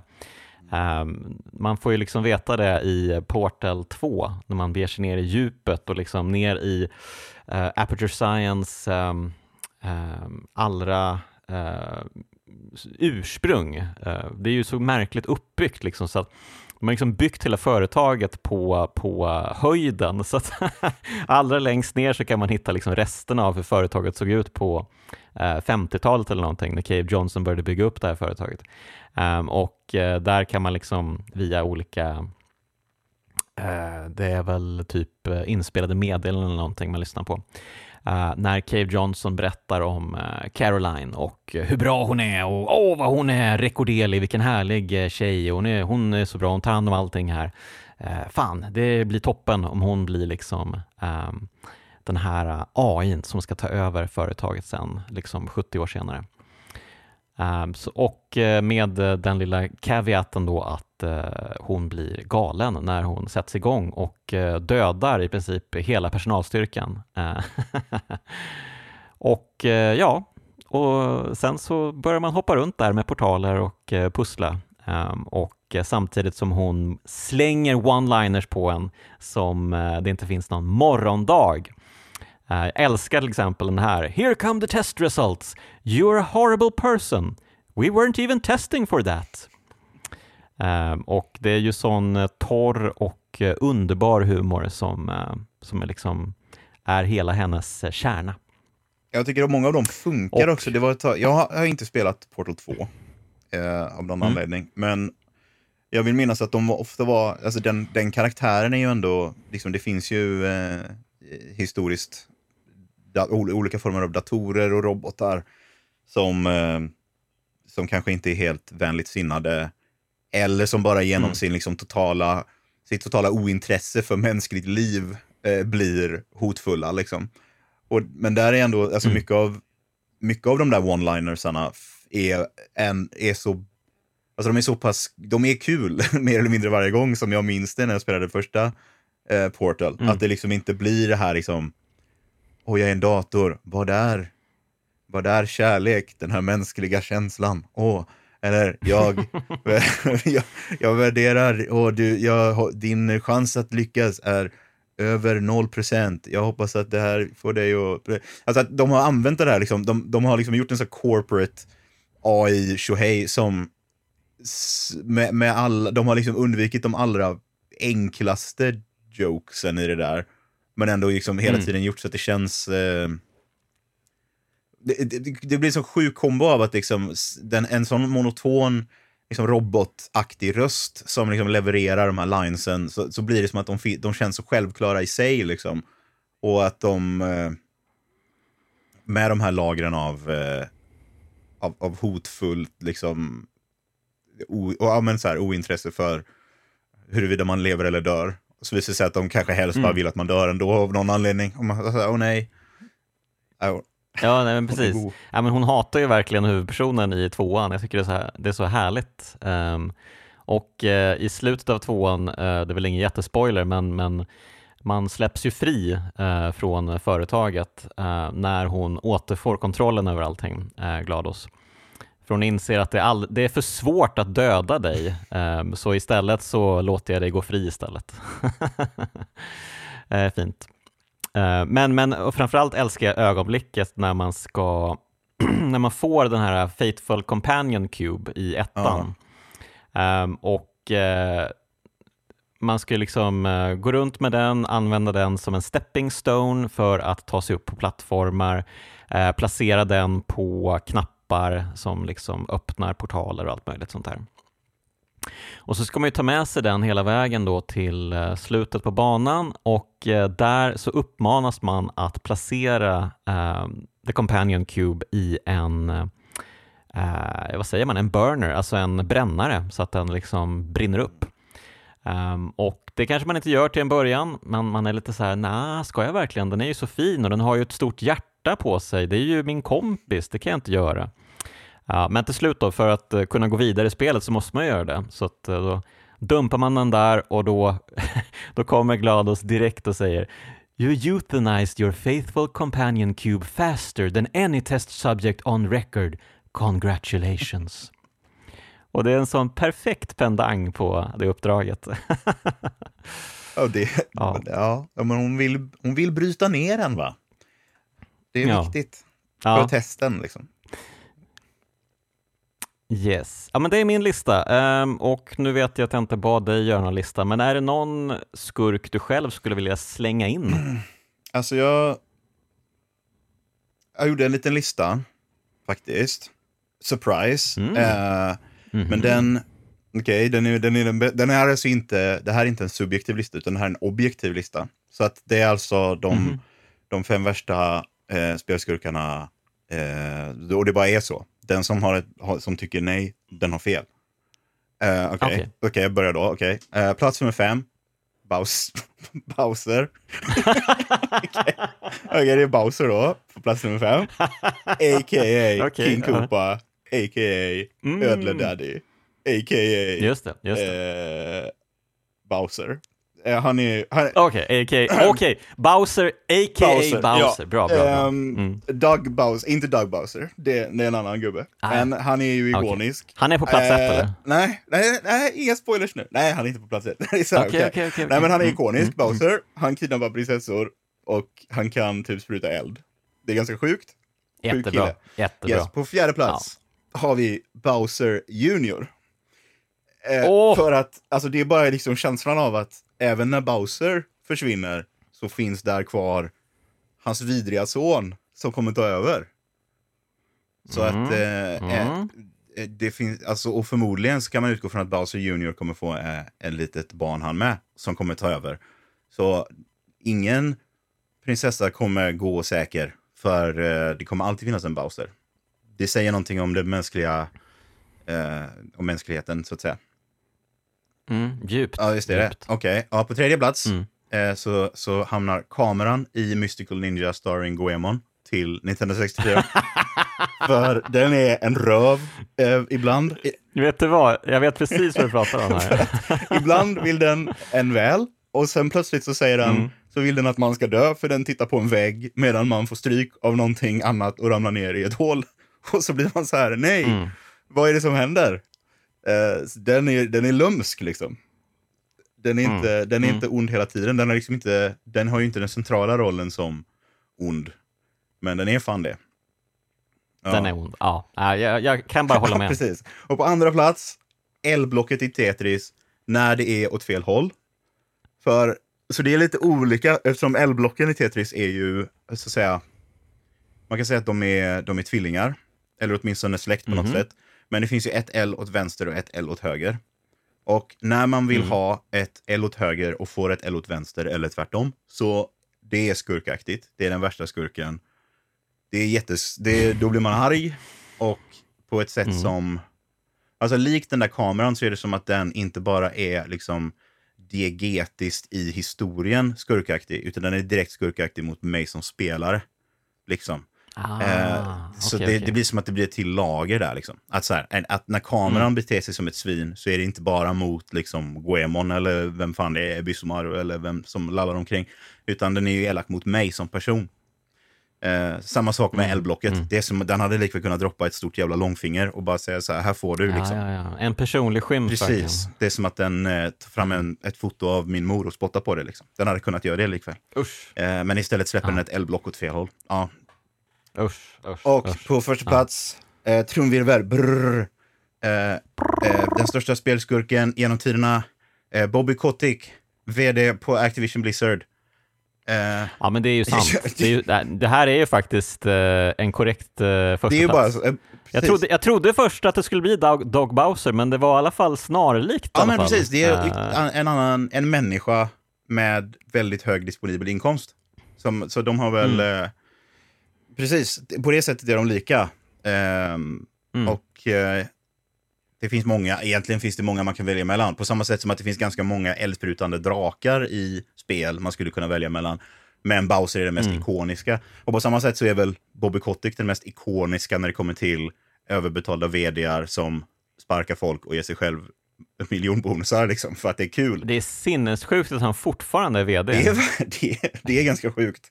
Och, att, eh, Hur är det och genom möjligt? hela... Han har liksom varit där så länge jag kan minnas. Ja, och bara liksom så här, bara funnits och varit liksom lite av en... Alltså, det, det skulle säkert kunna finnas, alltså det, det skulle säkert kunna finnas värre...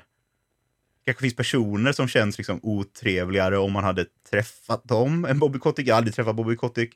Men det är ändå som Mm. att han har ju liksom fortsatt vara... Han har ju varit en punchline liksom på, till liksom varför är, varför är många spel så här desperat vinstdrivande och bedrövliga. Eh, jo, men det är Mm. Bobby Kotticks fel. Det är han och en armé av gubbar i kostym som säger att vi måste ha mer, eh, vi måste ha bättre player retention och mer, eh, ja, tjäna mer pengar per, per spelare per spelad minut och sånt där. Som har liksom genererat sjuka mängder roliga microtransactions och sådana saker. Yeah, Så att, eh, och att han bara sitter kvar. Det är väl... Eh, så att då... Det, det, lite som, det är skäl nog ja, men lite faktiskt. som att Bowser har ett barn som bara kan ta över, så är det som att Bobby Kotick bara kan fortsätta liksom. Det är en eh, nästan... Ah. Eh, ja, men Lovecraftiansk eh, eh, spelskurk liksom. För att han har inget slut och ingen början. Han, har, han är bara Bobby. liksom. Nu måste jag, nu måste jag faktiskt veta, när, började, när, var han, när liksom började han jobba där? Uh, Bobby Jag har ingen aning. Okej, så ni, sen 1991 har han varit vd för Activision.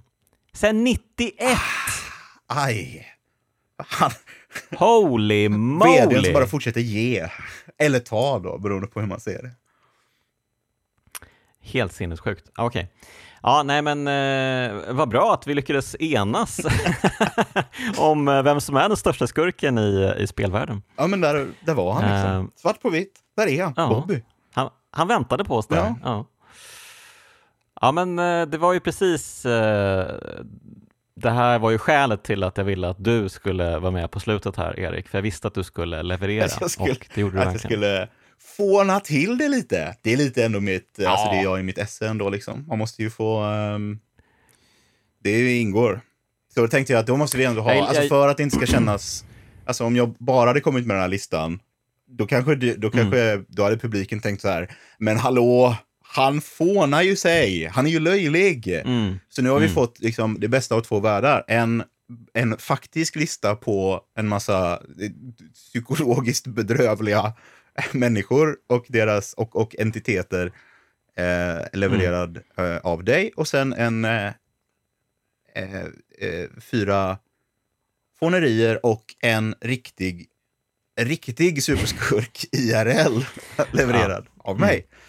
Det, det är ju perfekt. Och det, det bästa av allt är ju att eh, med din topp 5 då så är vi uppe i 30 skurkar här och eh, alla är ju unika. Det är ju ingen som har haft samma skurk heller. På. Alltså, det är ju Det hade varit perfekt. bedrövligt om någon annan hade valt kameran i Mystical Bobby Ninja. Kotick. Bobby, Bobby Kotick hade jag ändå kunnat tänka mig att någon hade kunnat så här, om någon vill, vill göra en liten, men om, om någon annan hade sagt just att, att kamerasystemet är just Mystical Ninja, för det vet fan om någon hade Ja, valt det- liksom.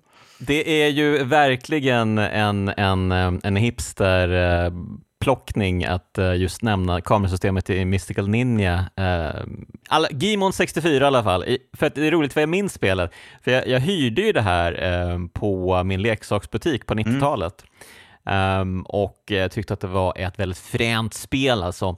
Men jag minns också att kameran var helt jävla bäng och ehm, det var, man liksom spelade Super Mario 64 och visst, kameran är inte toppen där heller, men man har i alla fall kontroll över den. I Game 64 känns det som att, vad fan är det som pågår? Ja, den, den ballar Och- ur alltså. Ja.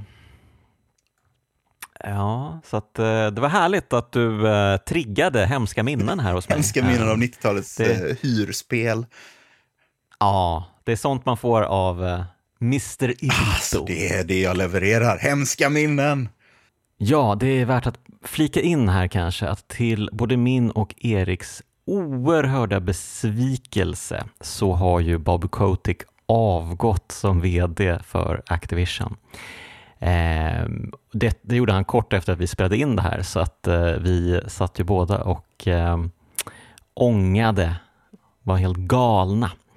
Eh, Men, men, sånt är livet när man pratar om eh, pärlor till svin. Eh, Det är lätt att de pärlar iväg. Och det har onekligen Mr Kotick gjort. Hörni, det är slut nu Eh, på det här specialavsnittet. Det är slut på Kraftspelen säsong 5, men säsong 6 väntar runt hörnet. Jajamän, första februari är Kraftspelen tillbaka. Vi hörs. Ha det fint!